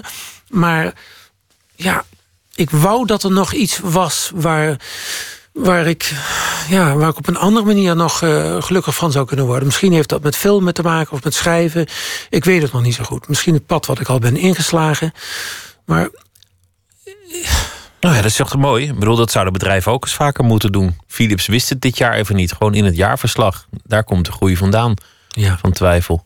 ja. Ik heb jullie lijst met woorden. Ik ga je even over horen. Oh, Vind ik leuk. Nummer 11. Eh, dat eh, een- is een ventiel. Nummer 15. Eh, dat was waarzegster. Nee, dat was Oh, kaassoufflé. stil, stil. Dat is, eh, oh ja, het is uh, kaassoufflé. Ja. 16 was waar, zegt ze. ja, weet ik. Ja. En zes was wetzoet. Ja. 8. Acht is, eh, dat, is, dat is dat moeilijke woord van eh, software, Schumel-software. 20. 20 is borstimplantaat. 18. 18 is eh, atleet. 4. 4 is eh, bijbel. Het is inderdaad wonderlijk. Je, je maakt rijtjes met, met plaatjes. En, en zo ga je al die nummers af. Hoe, kan je het uitleggen hoe je dat doet ongeveer? Ja, er zijn een paar dingen. Ik, eh ik, 1, 1 tot en met 10 zijn voor mij rijmwoorden op, op de telwoorden. Dus 1 is nooit 1 voor mij, maar peen. Peen is een wortel. Dus ik moet het beeld van de wortel koppelen aan wat jij bij 1 zegt. Als jij bij 1 zegt eh, boekenbon, nee, bij, bij 1, bij een, eh, eh, tandarts heb jij gezegd, dan zie ik dus een, een, ja, dan zie ik mezelf bij de tandarts liggen met een hele oranje tand. Want dat is die peen. Dat is dan voor mij één. Als je dan bij, dat moet ik bij twee ook doen, bij drie ook, tot en met tien. Als je dan bij elf komt, en dat is eigenlijk de essentie van deze methode. Als je bij elf komt, dan koppel ik elf aan één. Bij één zie ik dus die tandarts. Bij elf zie ik dan het ventiel. Want mijn andere tand is een eh, zie ik als een ventiel in die mond zitten. Kom je dan bij 21, dan koppel ik dat weer aan die, aan die tandarts en die ventiel. Dus ik denk horizontaal en niet verticaal. Als ik met andere woorden 50 woorden uit mijn hoofd zou moeten leren, dan hoef ik alleen maar 1, 11, 21, 31 en 41. Dus een verhaaltje van slechts vijf elementen te onthouden. Dat moet ik wel tien keer doen, want ook bij twee en ook bij drie en ook bij vier. Dus het is wel, je moet wel hard werken, maar het is makkelijker dan je denkt. Dit en heel veel meer in de voorstelling Dr. B en ons brein. Mag ik nog even zeggen dat, je, eh, dat, dat als mensen het leuk zouden vinden om bij mij thuis te komen om te zien, dat ze bij porgy.nl. Want het is wel heel belangrijk om, eh, als je een ticket zou willen kopen of een kaartje Ja, of zo. en de datum en dat soort dingen. Porgy.nl. Oh, dat wou je al gaan zeggen natuurlijk. Nee, dat wilde ik niet gaan zeggen, maar het is goed dat het gezegd is. Ja, porgy.nl. Dankjewel, Porgy Frans. Het was leuk dat je te gast was. En heel veel succes met de voorstelling en alles wat je verder eh, uitgesproken. Dankjewel. Dankjewel. We gaan zo meteen eh, verder met een verhaal van Erik-Jan Harmens. En een documentaire over eh, Charlie Hebdo. En we gaan het ook hebben over filmmuziek. Twitter, VPRO NMS. Of u kunt ons volgen via Facebook. We gaan zo verder.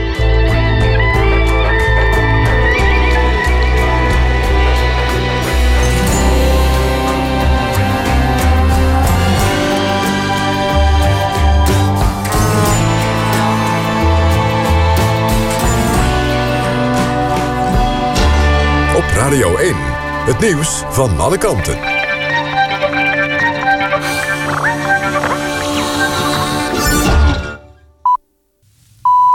1 uur door Almegens met het NOS-journaal. In Brussel zijn het Europarlement, de Europese Commissie en de EU-lidstaten... het eens over een nieuwe privacywet. Het gaat om een voorlopig akkoord. Met de nieuwe wet kunnen bedrijven bij het overtreden van de privacyregels... een boete krijgen van maximaal 4% van de jaaromzet. Ook moeten ze datalekken waarbij privégegevens op straat komen te liggen... binnen 72 uur melden. Daarnaast moeten de Europese privacy-waakhonden beter gaan samenwerken. En grote internetbedrijven, bedrijven die veel gegevens verwerken... en overheden moeten iemand aanstellen die zich met privacy bezighoudt. Netbeheerder Tennet zet oud-militairen in om koperdieven te pakken... die het hebben gemunt op hoogspanningsmasten. Oud-mariniers en commando's surveilleren s'nachts in camouflagekleding... bij masten die vaak het doelwit zijn. Vooral in Limburg was het de afgelopen weken raak. In zes weken tijd waren er acht diefstallen... en is in totaal bijna drie kilometer ko- koperdraad gestolen. Premier Rutte moet met bewijs komen als hij denkt dat de Teven-deal misschien toch een goede deal was, zegt voorzitter Oosting van de commissie die de overeenkomst met crimineel Kees H. heeft onderzocht. Tijdens een hoorzitting in de Tweede Kamer zei Oosting geen aanwijzingen te hebben dat er meer zit achter de schikking dan de commissie heeft achterhaald. Het kabinet moet zich later vandaag in de Kamer verantwoorden voor de tevendeal. Shorttracker Shinky Knecht is sportman van het jaar geworden op het NOC-NSF Sportgala in Amsterdam. De Friese schaatser werd dit jaar Europees en wereldkampioen. Daphne Schippers is sportvrouw van het jaar. De atlete won op het WK in Peking goud op de 200 meter en zilver op de 100. Sportploeg van het jaar is het beachvolleybalduo Nummerdoor Varenhorst... dat zilver won op het WK en brons op het EK. Het weer op steeds meer plaatsen regen. Vannacht is het 10 graden, ook morgenochtend regent het nog van tijd tot tijd. Later op de dag wordt het af en toe droog. 11 tot 14 graden overdag en pas morgenavond wordt het vanuit het westen echt droger. Dit was het NOS Journaal. NPO Radio 1. VPRO. Meer slapen.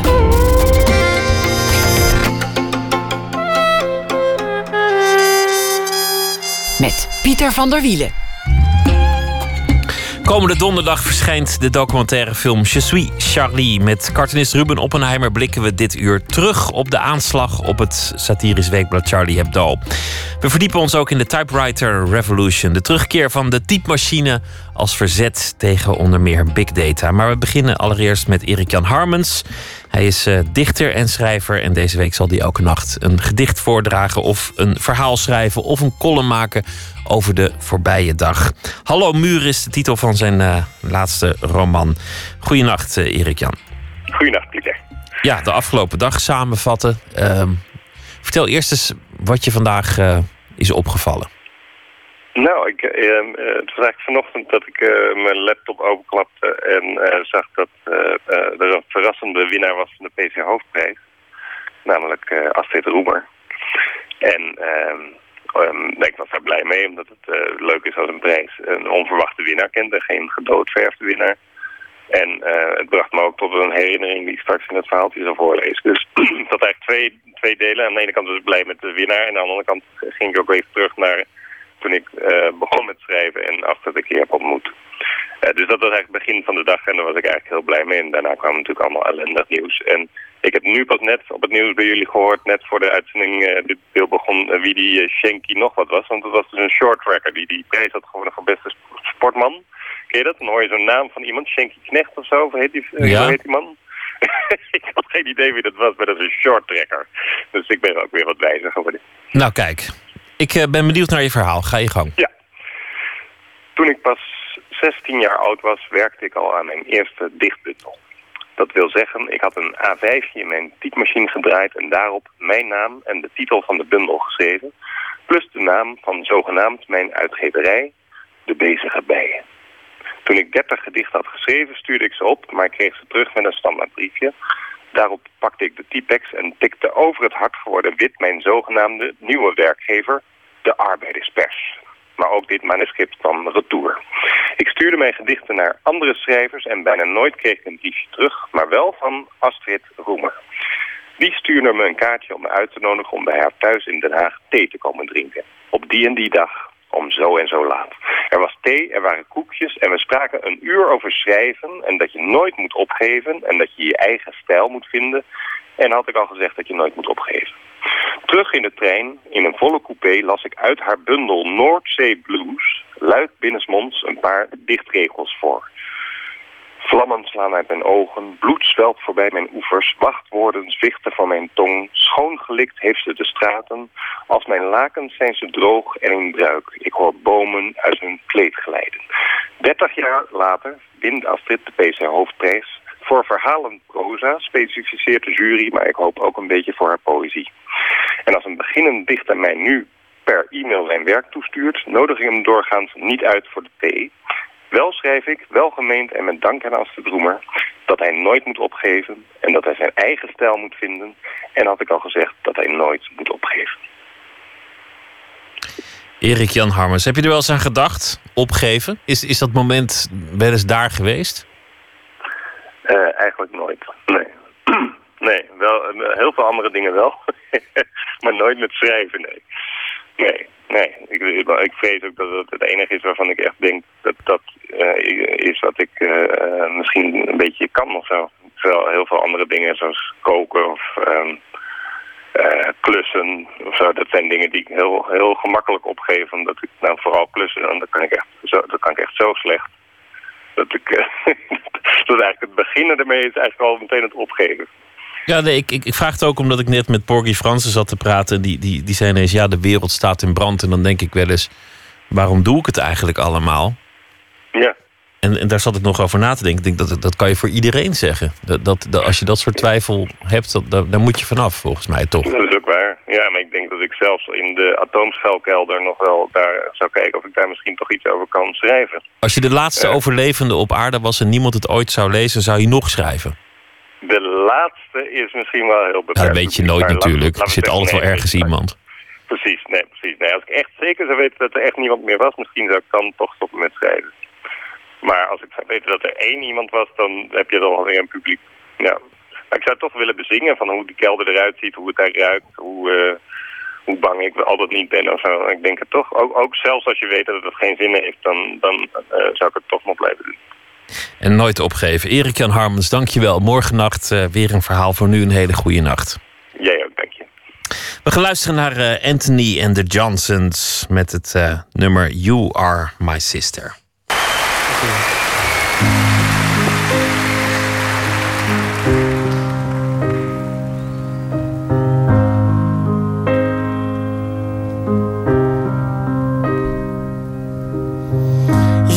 My sister, we were born so innocent, so full of need. There were times we were friends, but times I was so cruel. Each night I asked for you to watch me as I sleep. I was so afraid of the night. You seem to move through the places that I feared. You lived inside my world so softly, protected only by the kindness of your nature.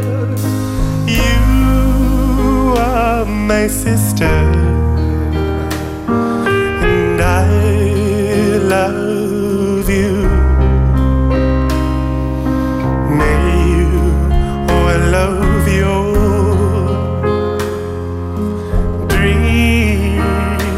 come true. You are my sister, and I love you.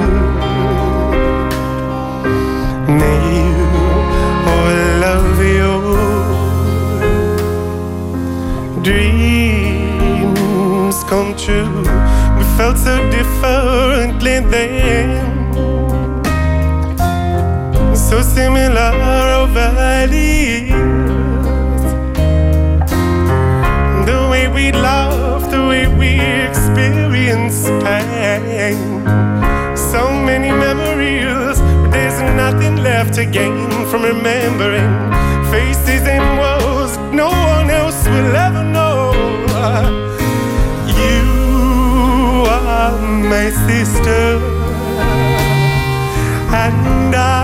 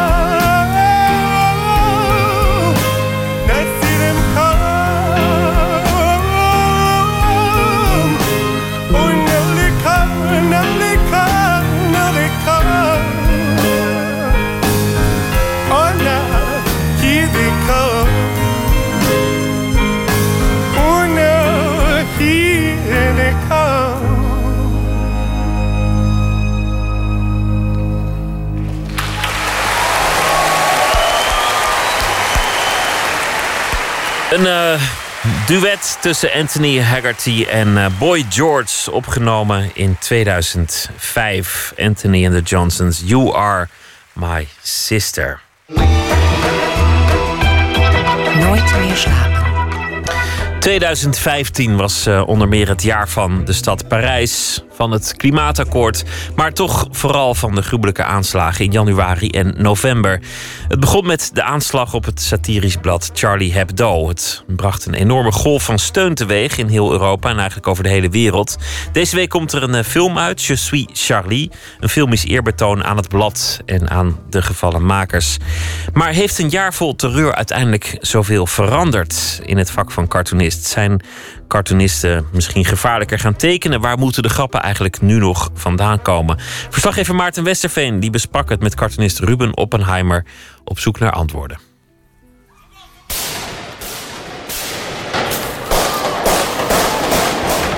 Terror in the heart of Paris. Masked and heavily armed, two men entered the building in the center of the French capital late this morning and began firing. Deze week kan de nieuwe documentaire Je suis Charlie worden bekeken. Een eerbetoon van Emmanuel en Daniel Leconte. Aan diegenen die deze januari omkwamen bij de terroristische aanslagen op het satirische blad Charlie Hebdo. De aanslagen maakten meer dan ooit duidelijk dat de traditionele rol van de cartoonist levensgrote risico's met zich meebrengt. Na een jaar van aanslagen schuif ik aan bij tekenaar Ruben Oppenheimer en bladeren we gezamenlijk door zijn cartoons van het jaar. We blijven hangen bij de tekeningen die hij maakte over die aanslagen zelf. Uh, ja, uh, die van Hebdo, die. Uh, even kijken of ik die zo snel tevoorschijn kan halen. Dan moeten we eventjes naar het begin van dit jaar gaan terugscrollen. Dit is echt fantastische radio, dit. Ehm, volgens mij, ja, er zijn er een paar. Ehm, wacht even, ik vond zelf deze nog wel en, erg fijn. Die is niet zo heel veel gedeeld. Um, maar wat ik hier heb gedaan, naast alle initiële boosheid en de potloden en de Kalashnikovs, heb ik dat Je suis Charlie ding, dat trouwens vreselijk vind. Ik, vind het, ik riep dat toen al, dat ik, dat ik me afvroeg hoeveel mensen twee weken later überhaupt nog uh, uh, Charlie zouden zijn. Maar goed, iedereen was Charlie. Nou, je suis Charlie. En ik laat dat, dat, dat zwarte vierkantje met die letters... laat ik als een soort uh, crucifix uh, dragen... door, een, door een moslim die daar bijna onder gebukt gaat. Want, want ik vond het juist ook in die tijd...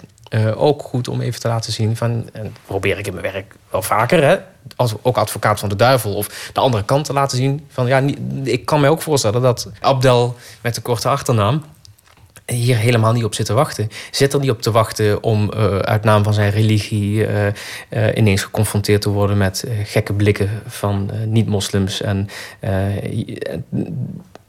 dat wilde ik uitdrukken. dus die tekening heb ik ook gemaakt. Um, zoals gezegd, heel weinig gedeeld. Wat meer gedeeld werd waren ehm, die, die, twee, die twee groene potloden met dat vliegtuigje dat er invloog. Een beetje het beeld van 9-11. Is deze veel gedeeld, die, die we nu zien? Uh, ja, uh, dit was ook uh, binnen een paar minuten nadat het gebeurde gemaakt. een Kalashnikov, die wordt van alle kanten wordt, tegengeprikt door, door allemaal gekleurde potloodjes. wat, wat, als ik daar nu naar kijk, is een beetje moeilijk. Ik vind het een vrij, heel, heel makkelijk beeld eigenlijk. Alleen op zo'n moment moet je proberen terug te verplaatsen in die eerste uren. De, de verslagenheid en de, de, de schok. Drukte dit blijkbaar iets uit waar heel veel mensen um, iets mee konden. Kan jij er nu iets mee? Nee, heel weinig. Omdat, nogmaals, uh, het is moeilijk om je terug te verplaatsen. En daarbij komt, ik vind vaak wat intelligentere beelden... Uh, uh, vind ik, ben ik iets meer tevreden over. Iets waar je of van denkt van... God, wat bedoelde hij hiermee? Of hoe is hij hier in godsnaam op gekomen? Nou, beide gevallen is dat hier niet echt uh, um, aan de orde. Het is een vrij makkelijk beeld. En ik bedoel er ook... Uh, er zitten geen, geen dubbele lagen in. Maar nogmaals, het had zijn functie. Net zoals dat... Dat, dat vond ik wel een prachtig ding. Dat dat, vrij, dat vredesteken met de, de, de Eiffeltoren erin verwerkt. eh, die, eh, die werd eh, gemaakt minuten nadat er in, in, Parijs die aanslagen laatst waren. Ja, dat, dat is een, dat is een, dat is een heel, eigenlijk heel simpel beeld. En daar zit wel iets van een, een meerlagigheid in. Dus die, die vind ik eigenlijk mooier dan wat ik hier heb gemaakt. Willem Holtrop werkt al sinds de oprichting voor Charlie Hebdo. Zijn tekening van deze week staat op pagina 13 en gaat over jihadisten. Die vrouw is onthoofd natuurlijk door het kind. Maar ja, goed, dat soort grappen maken we dan. Hè. En eh, worden mensen boos over. Ja. Eh, maar dat is geen reden om ermee op te houden, vind ik. Wij zitten nu bij je thuis en eh, dat is allemaal heel erg, eh, heel erg aangenaam. Maar ehm, ik, ik ben hier omdat eh, de, die, de documentaire over Charlie Hebdo... die wordt nu wijdverbreid aangeboden. Dat is heel erg mooi. En ik, ik, ik zat te denken, we zijn nu bijna een jaar verder. Ehm, eh, en is, daar is er eigenlijk veel in dit jaar voor jou en je werk eigenlijk veranderd. Eh, Ja en nee. Er is natuurlijk veel gebeurd. Eh, ik heb nog nooit zoveel over mijn werk eh, moeten spreken. En zoveel niet moeten tekenen, maar moeten ouwe hoeren over dat tekenen. Maar ehm, er is ook eigenlijk niets gebeurd, omdat ik nu een jaar, nu dit jaar aan het einde kom, mijn werk bezie. En ik, nou, ik ben gewoon blijven doen wat ik doe. Misschien iets scherper. Misschien heb ik iets meer gevoel van urgentie gekregen. Ehm, vroeger was het vak van cartoonist toch iets waar je je misschien een beetje voor moest schamen. Van, nou, wat doe jij? Nou, ik ben een volwassen man die tekeningen maakt. En, en nu ben je een, eh, een frontsoldaat van het vrije woord. De kogelvanger. eh, eh, en en dat, is, dat is wel veranderd. En tegelijkertijd, dit jaar begon met een aanslag in Parijs. Dit jaar eh, eindigde eh, min of meer met een aanslag in Parijs. En wat we in die tussentijd eh, hebben geleerd is dat je misschien in januari nog kon denken dat je de kogels kon ontlopen door geen cartoons te maken over de profeet of over de islam.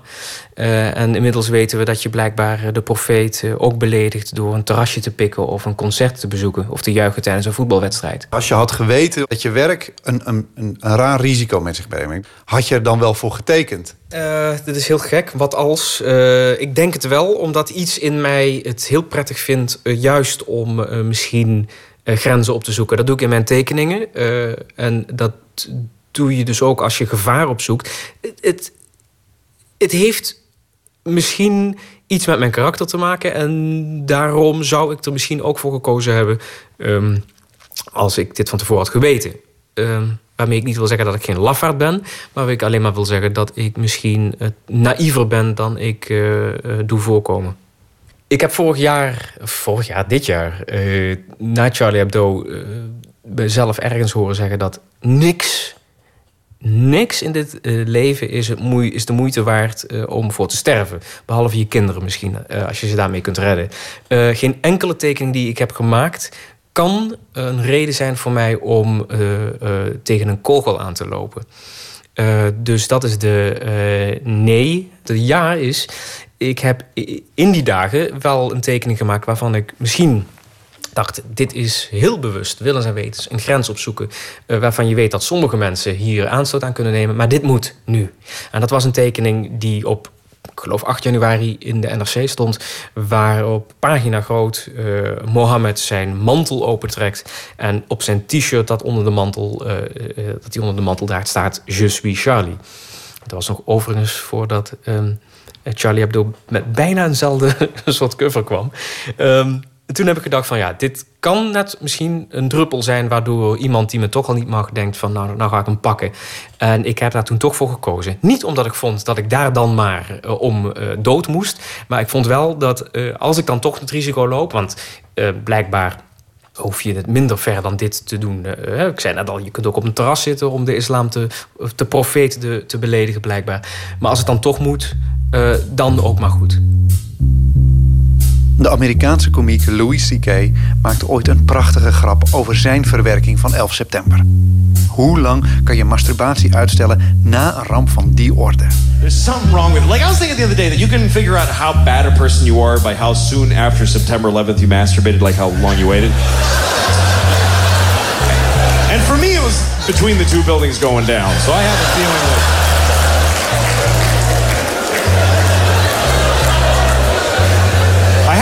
I had to do it. I had to, otherwise they win. That's the way I was looking at it at the time. It was a strange time for all of us. Die grap deed me denken aan het werk van de cartoonist. Hoe lang voor je de lol en de absurditeit van de dingen weer in kan zien en in je tekeningen kan verwerken. Na de eerste schok heb je toch heel snel alweer um, heel erg de behoefte om, uh, behoefte, uh, om ook gewoon het leven op te pakken. En, en, en, en, en wat ik net ook zei, die, die, die relativerende grap te maken, heel kort. Um, mijn vader stierf in 2009 en mijn moeder. Um, ik zeg altijd, ik heb mijn humor van mijn moeder. Mijn moeder vond het leuk om met de kinderen een reisje te maken. Dus uh, dat reisje dat werd uh, uh, aan het eind van het jaar Aruba. Nou, vreselijke vlucht daar naartoe, uren. En daar, daarvoor, de laatste keer dat ze gevlogen had, was geloof ik anderhalf uur. Dus kwamen geradbraakt, kwamen we daar met een jetlag aan. En mijn. Um, we zitten in de. Dus we zitten in een bus van de luchthaven naar het hotel. En het is midden in de nacht, maar voor ons gevoel s ochtends of zo. En mijn moeder kijkt ons aan en ze zegt: Dit doe ik nooit meer. Gadverdamme. En ze zegt daarna, met een zwaar Limburgs accent, ze spreekt geen Limburgs, maar en dat is een grap die ze maakte naar een. Ik even inleiden. Wat ze zei was een referentie aan een televisiefragment van een overstroming hier een paar jaar geleden, hier in Limburg. En toen kwam er een vrouwtje in beeld. En, um, en uh, toen was, geloof ik, uh, vroegen ze van, ja, vroegen ze van, god, mevrouw, wat is er gebeurd? Zij zei, ja, de hele boel is ondergelopen en mijn man is ook al dood. Nou, en mijn moeder zegt dus, net weduwe, zegt dus, dit doe ik nooit meer zo'n lange vliegreis en mijn man is ook al dood. Nou, ja, dit is voor mij het soort humor, uh, daar doe ik het om. En dan is ineens alles, alles klopt dan. En dat, uh, nou mam, als je op dit tijdstip toch nog luistert, uh, dank je wel hiervoor. Dank je. Dat is echt een hele Goed, zal ik het interview voor opnemen nou?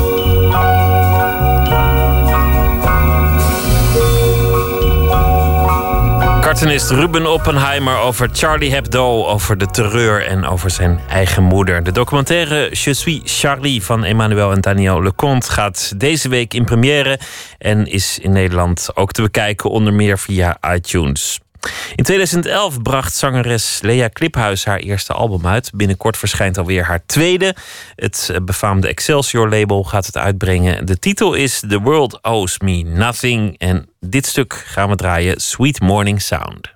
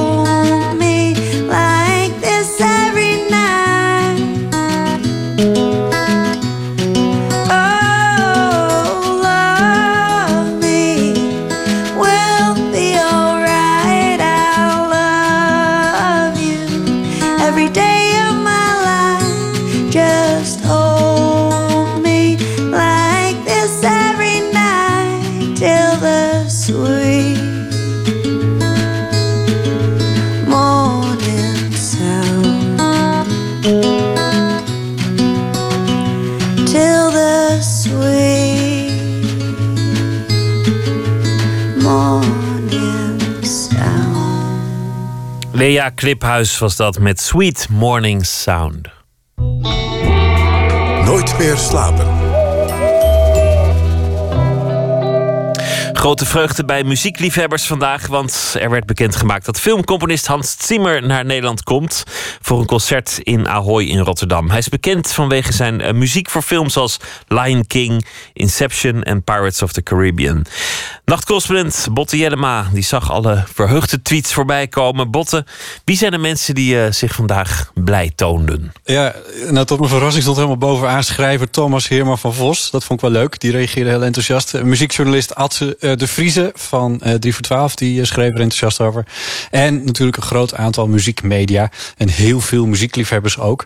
Terwijl het toch niet meteen logisch is. Want veel muziek is functionele muziek. Hè. Het ondersteunt beelden. Maar ja, toch veel mensen die zich erop verheugen op dat concert. Het gebeurt vaker en eh, dan, dan ook met een, met een, met een groot eh, gezelschap op het podium. Hè? Veel muziek uitvoeren. Hij gaat spelen met een band, een orkest, een koor. Kortom, het wordt, eh, het wo- wordt lekker bombastisch. Ja, dat, dat past natuurlijk ook heel goed bij zijn, bij zijn bombastische muziek. Als je bijvoorbeeld krijgt dat ze iets gaan spelen uit Interstellar.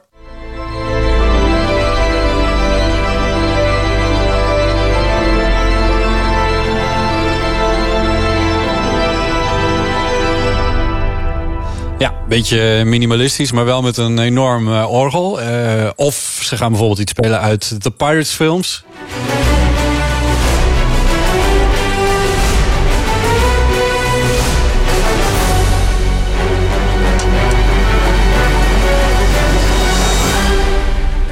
Of wat bijvoorbeeld ook heel interessant kan zijn, is iets uit Inception.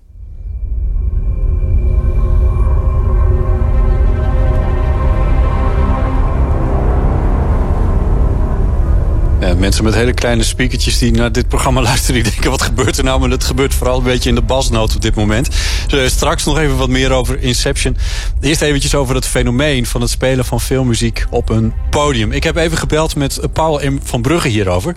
Dat is een Nederlandse filmcomponist... die eh, bijvoorbeeld een Gouden Kalf heeft gewonnen... voor eh, de documentaire, de muziek bij de documentaire eh, alias Kurban Said...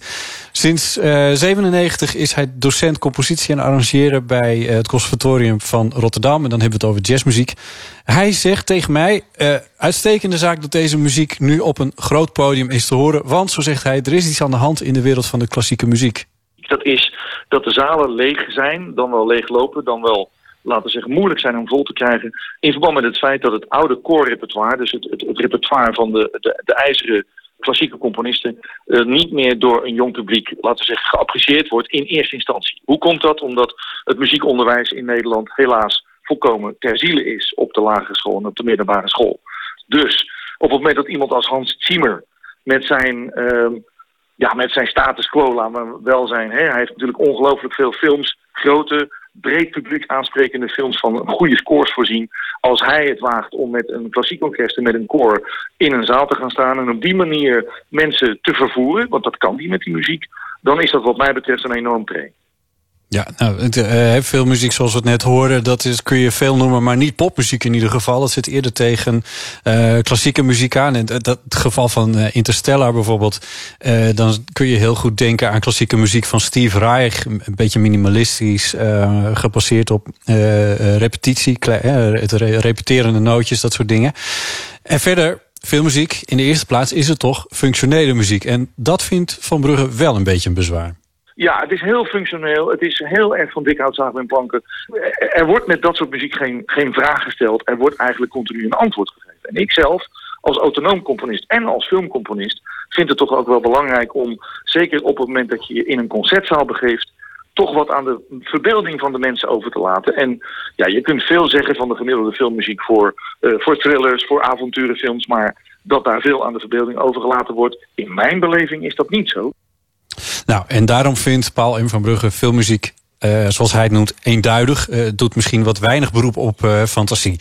Toch is hij er enthousiast over dat er nu dit concert aan zit te komen... en dat filmmuziek op de podia komt. Hij is bijvoorbeeld ook zelf betrokken bij een concert...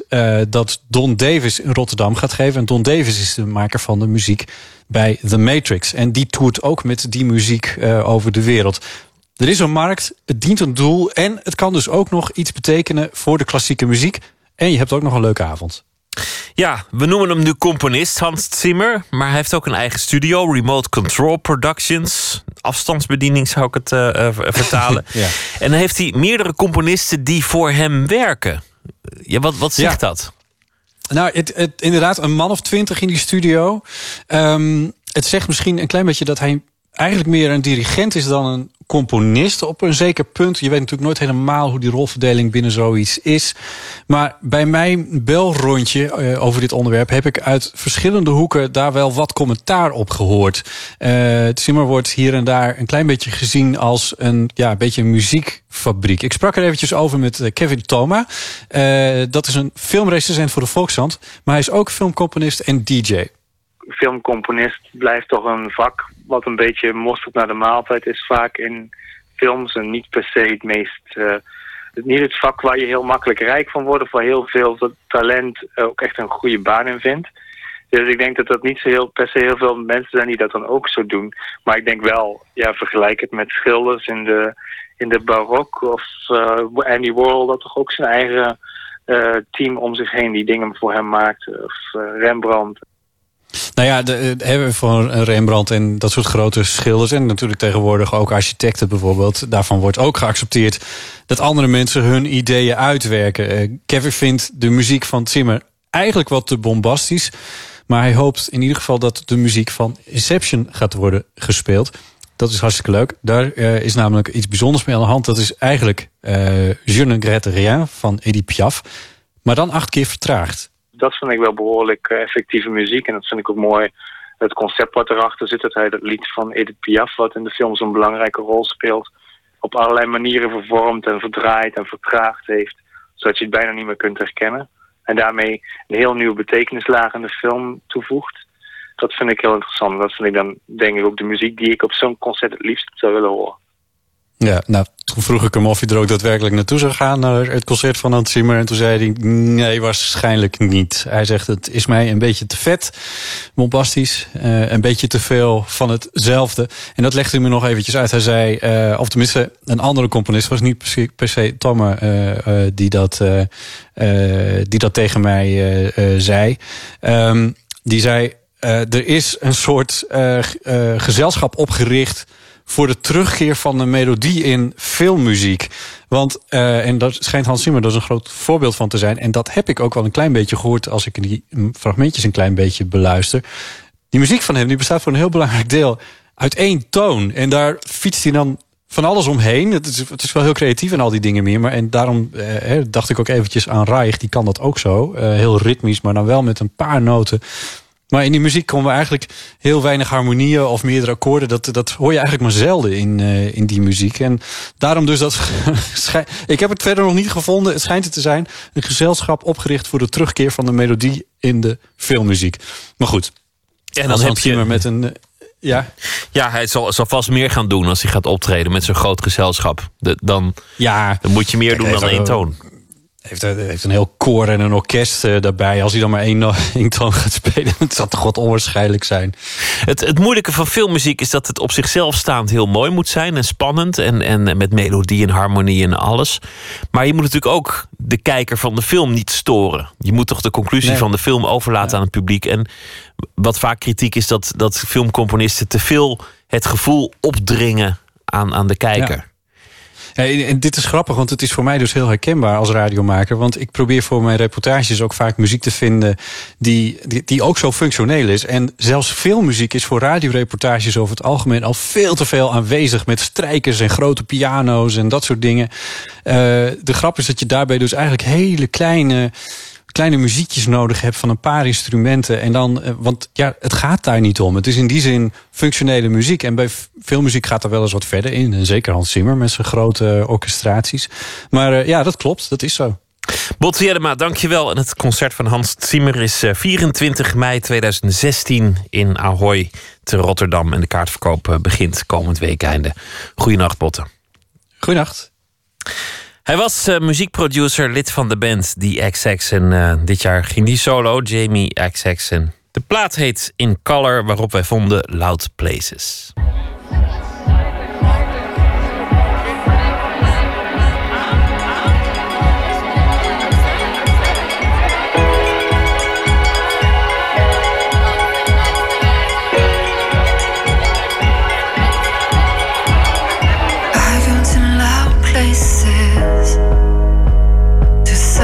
awesome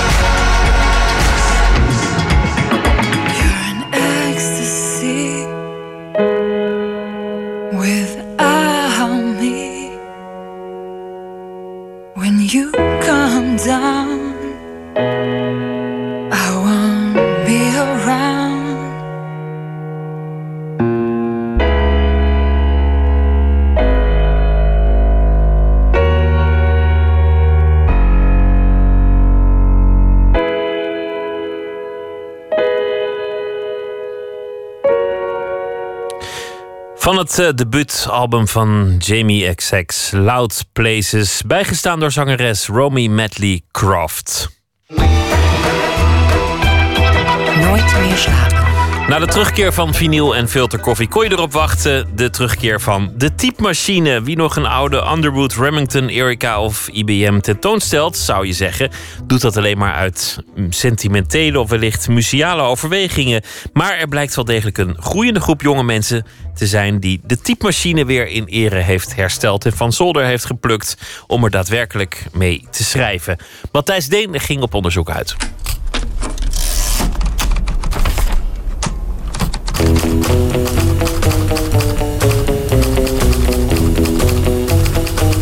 Waren er opeens boeken over schrijfmachines. Het zijn Amerikaanse boeken. Uh, de typewriter, vol met plaatjes van schrijfmachines, lettertypes, toetsen. En posters waarop tevreden typistes met hun bureau en hun machine. Of de Typewriter Revolution, over de schrijfmachine-revolutie die kennelijk al gaande is in zekere kringen. De revolutionairen zijn mensen die handelen naar de Typewriter Manifesto. En dat is een strijdbaar pleidooi tegen de computer en voor de schrijfmachine. Tegen de stroom in, los van het web, zelfstandig, zelfredzaam. Niks virtueels, maar echt. En ik begon opeens te verlangen naar de schrijfmachine waarop ik zelf begonnen ben ooit verhaaltjes te schrijven. Hij stond bij ons thuis natuurlijk. Hij was niet groot. Het was een koffermodel, een Erika. Hij was groen. De deksel van de koffer kon los, de bodem niet.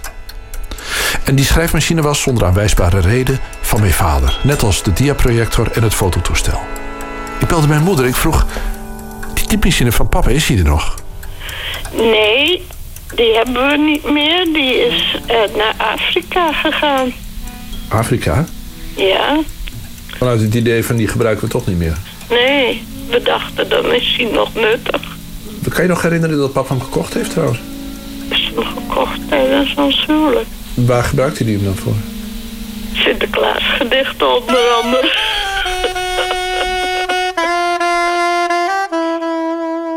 De typemachine die het lettertype overbrengt van Sinterklaas zelf. Gedichten waren eigenlijk allemaal kleine chocoladelettertjes op A4.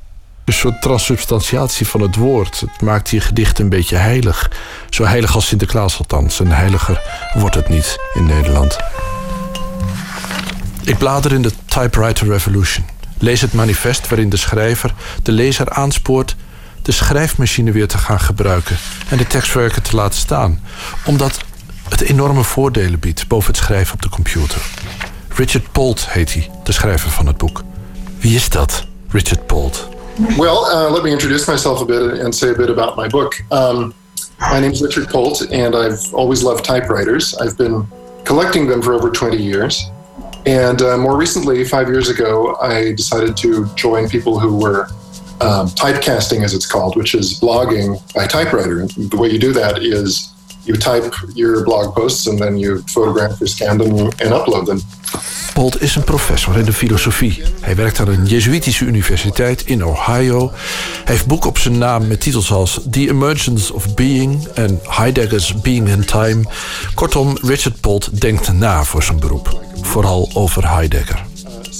Maar hij verzamelt ook typemachines. En hij staat midden in de wereld van typecasters. En dat zijn bloggers die hun blog eerst met een schrijfmachine schrijven... en dan van het A4'tje een foto maken en die dan posten. Op internet. In zijn boek dat een overzicht geeft van een tal van schrijfmachine-initiatieven over de hele wereld... vind ik een bekende, namelijk Dirk van Wilde. Ook een verzamelaar van schrijfmachines. Dit zijn er 18, er zijn er hier 20 in huis van de 70. Het zijn deze toetsen, had hij. Ja, ja, ja. ja. Ik- precies ik- deze toets. Ja, eh, precies. Ik weet welke het is. Die heb ik ook gehad van mijn vader. Had precies, ik had exact dezelfde. Die heb ik heel lang gezocht, want die heb ik in 86 verkocht. Aan de toenmalige vriendin van mijn broer. En die heeft hem niet meer? Ze, ze had zelfs geen idee. Waar die gebleven was. Nou weet ik niet of ze echt serieus gezocht heeft. Want het, maar voor haar was het echt een volkomen triviaal eh, eh, detail uit het verleden. Terwijl voor mij was het helemaal... Dat was dan- een schrijfmachine van mijn vader. Daar heb ik al mijn pubergedichten op getypt. Die heb ik speciaal opzij gezet om een schrijfmachine te willen hebben voor mezelf. Mijn eigen, net als dat je je eigen saxofoon wilt.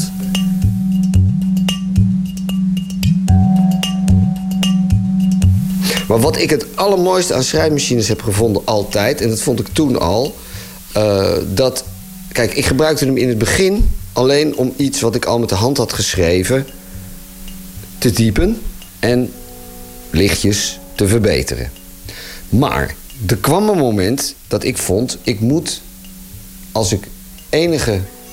als ik ernst wil maken met mijn literaire aspiraties... dan moet ik ook kunnen schrijven, dus uit het hoofd, op de schrijfmachine. Dat vond ik het, het toppunt van eh, mentale discipline... om zo die weerstand die er is te overwinnen... en met goed gevormde zinnen en een duidelijk richting in je verhaal... de machine te kunnen bedienen.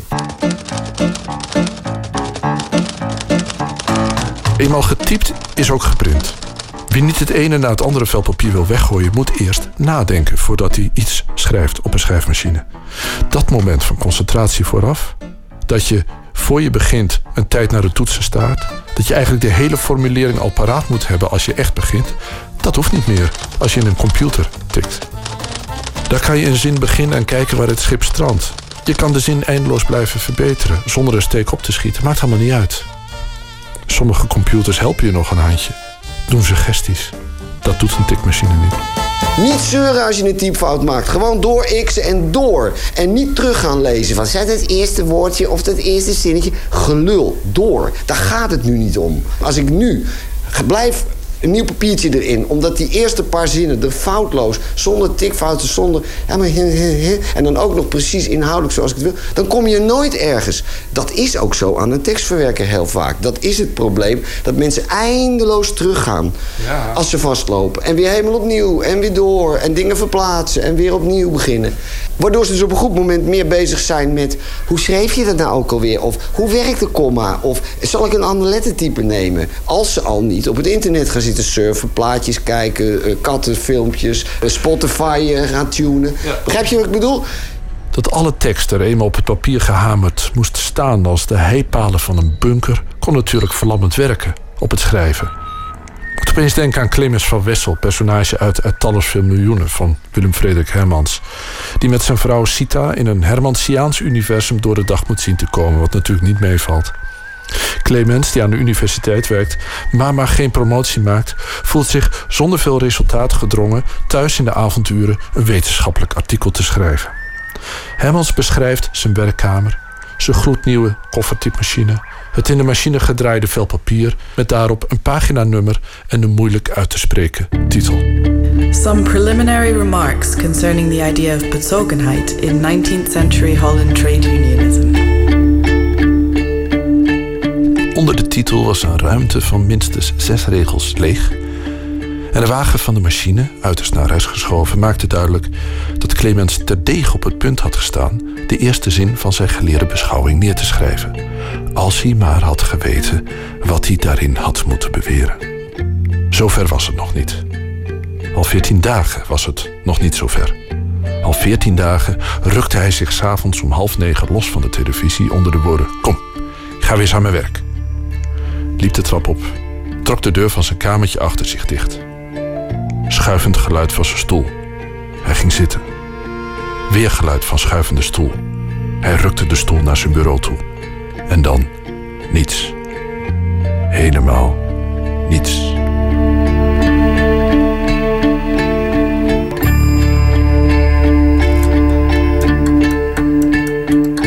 In the age of instant global information, using a typewriter is an act of rebellion. Against what? In the name of what? Ultimately, that's for you to type. The insurgency has no leader and no dogma.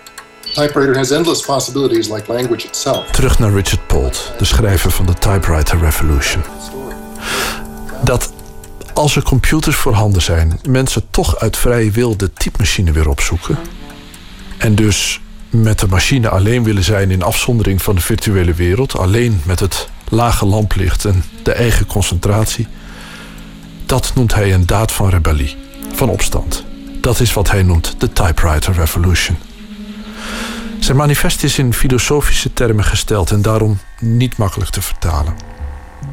Maar het komt er eigenlijk op neer dat hij een oproep doet voor schrijvers om zich te onttrekken aan de stortvloed van informatie, van toezicht, van afhankelijkheid, om te ontsnappen aan het multitasken en het onechte van de virtuele wereld en op zoek te gaan naar een zelfredzame, tastbare, geconcentreerde en zelfs voor de buitenwereld afgesloten manier om te verwoorden wat je te zeggen hebt. Met een typemachine dus. Dat dat een beeld is dat nog steeds aantrekkingskracht heeft, blijkt wel uit die laatste scène van de film On the Road, waarin de hoofdpersoon, laten we zeggen Jack Kerouac, na het hele land doorkruist te hebben, toch alleen is met zijn Underwood schrijfmachine. En na veel aarzeling eindelijk de stilte doorbreekt en typt. En typt. En typt. So in America, when the sun goes down and I sit in the old broken down river pier watching the long, long skies over New Jersey, and sense all that raw land rolls in one unbelievable huge bulge over the west coast, and all of that road going, and all the people dreaming in the immensity of it. In an hour, I know by now the evening star must be drooping and shedding her sparkler dims on the prairie, which is just before the coming of complete night that blesses the earth, darkens all rivers, cups the peaks, and folds the final shore in, and nobody, nobody knows what's going to happen to anybody besides the forlorn rags of growing old. I think of Dean Moriarty. I even think of old Dean Moriarty, the father we never found. I think of Dean Moriarty. I think of Dean Moriarty. De Typewriter Revolution, geschreven door Richard Polt. Uh, u vindt hem als u zoekt op Classic Typewriter Page. En via die site kunt u dan verder uh, dwalen in de wereld van de typecasters. Een bijdrage van Matthijs Deen. We gaan luisteren naar een uh, blueslegende, John Lee Hooker, met het nummer When My First Wife Left Me.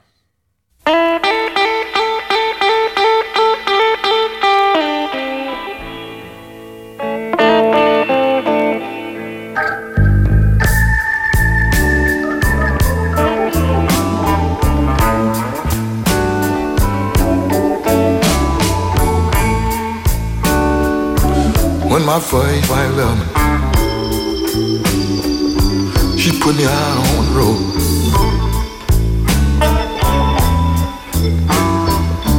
When my first wife left me,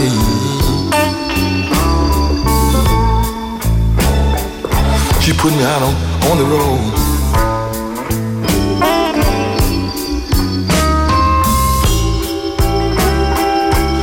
Ever since that day, boy, my life ain't been the same.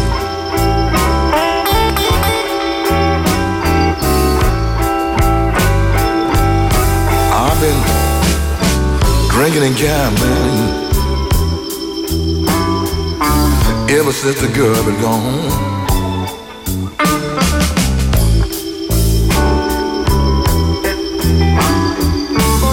I've been drinking, I've been gambling.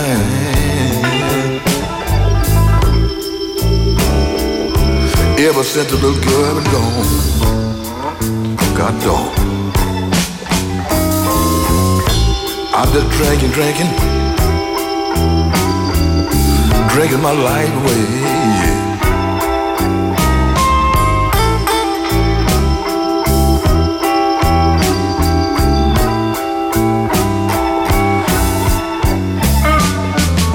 I love my wife and my baby boy.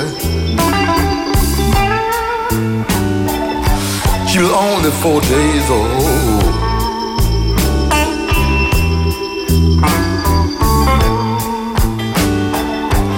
Love my wife and my baby.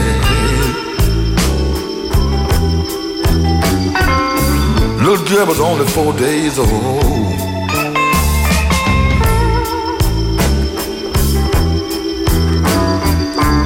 I hope she ain't learned to call no other man daddy. Lord, and that's what's worrying me. Mike, I got the blue.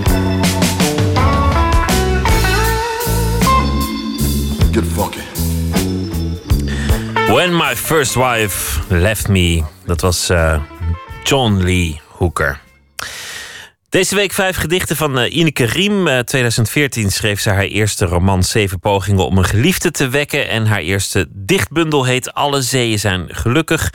Ze heeft een gedicht uitgekozen van... Alle zeeën zijn geduldig, sorry. Ze heeft een gedicht uitgekozen van Anneke Brassinga... met de titel Hoe te zoenen op straathoeken.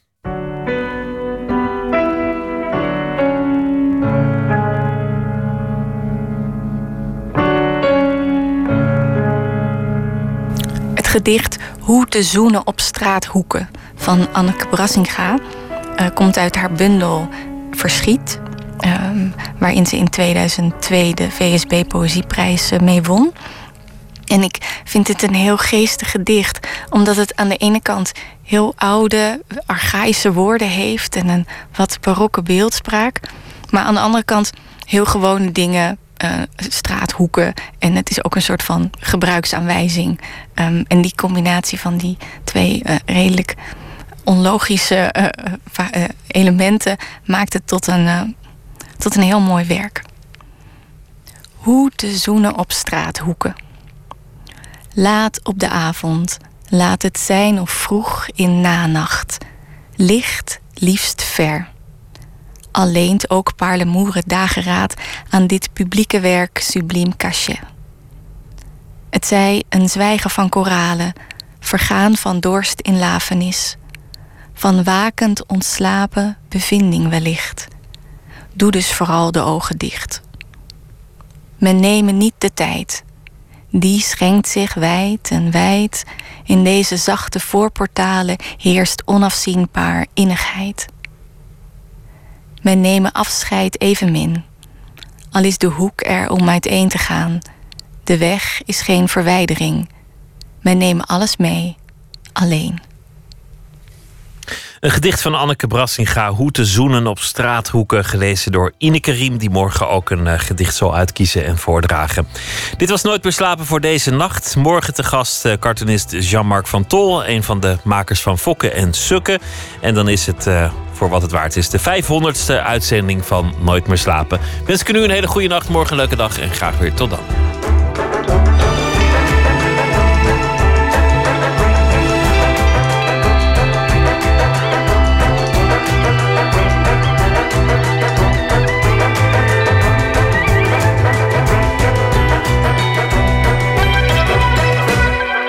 Radio 1, het nieuws van alle kanten.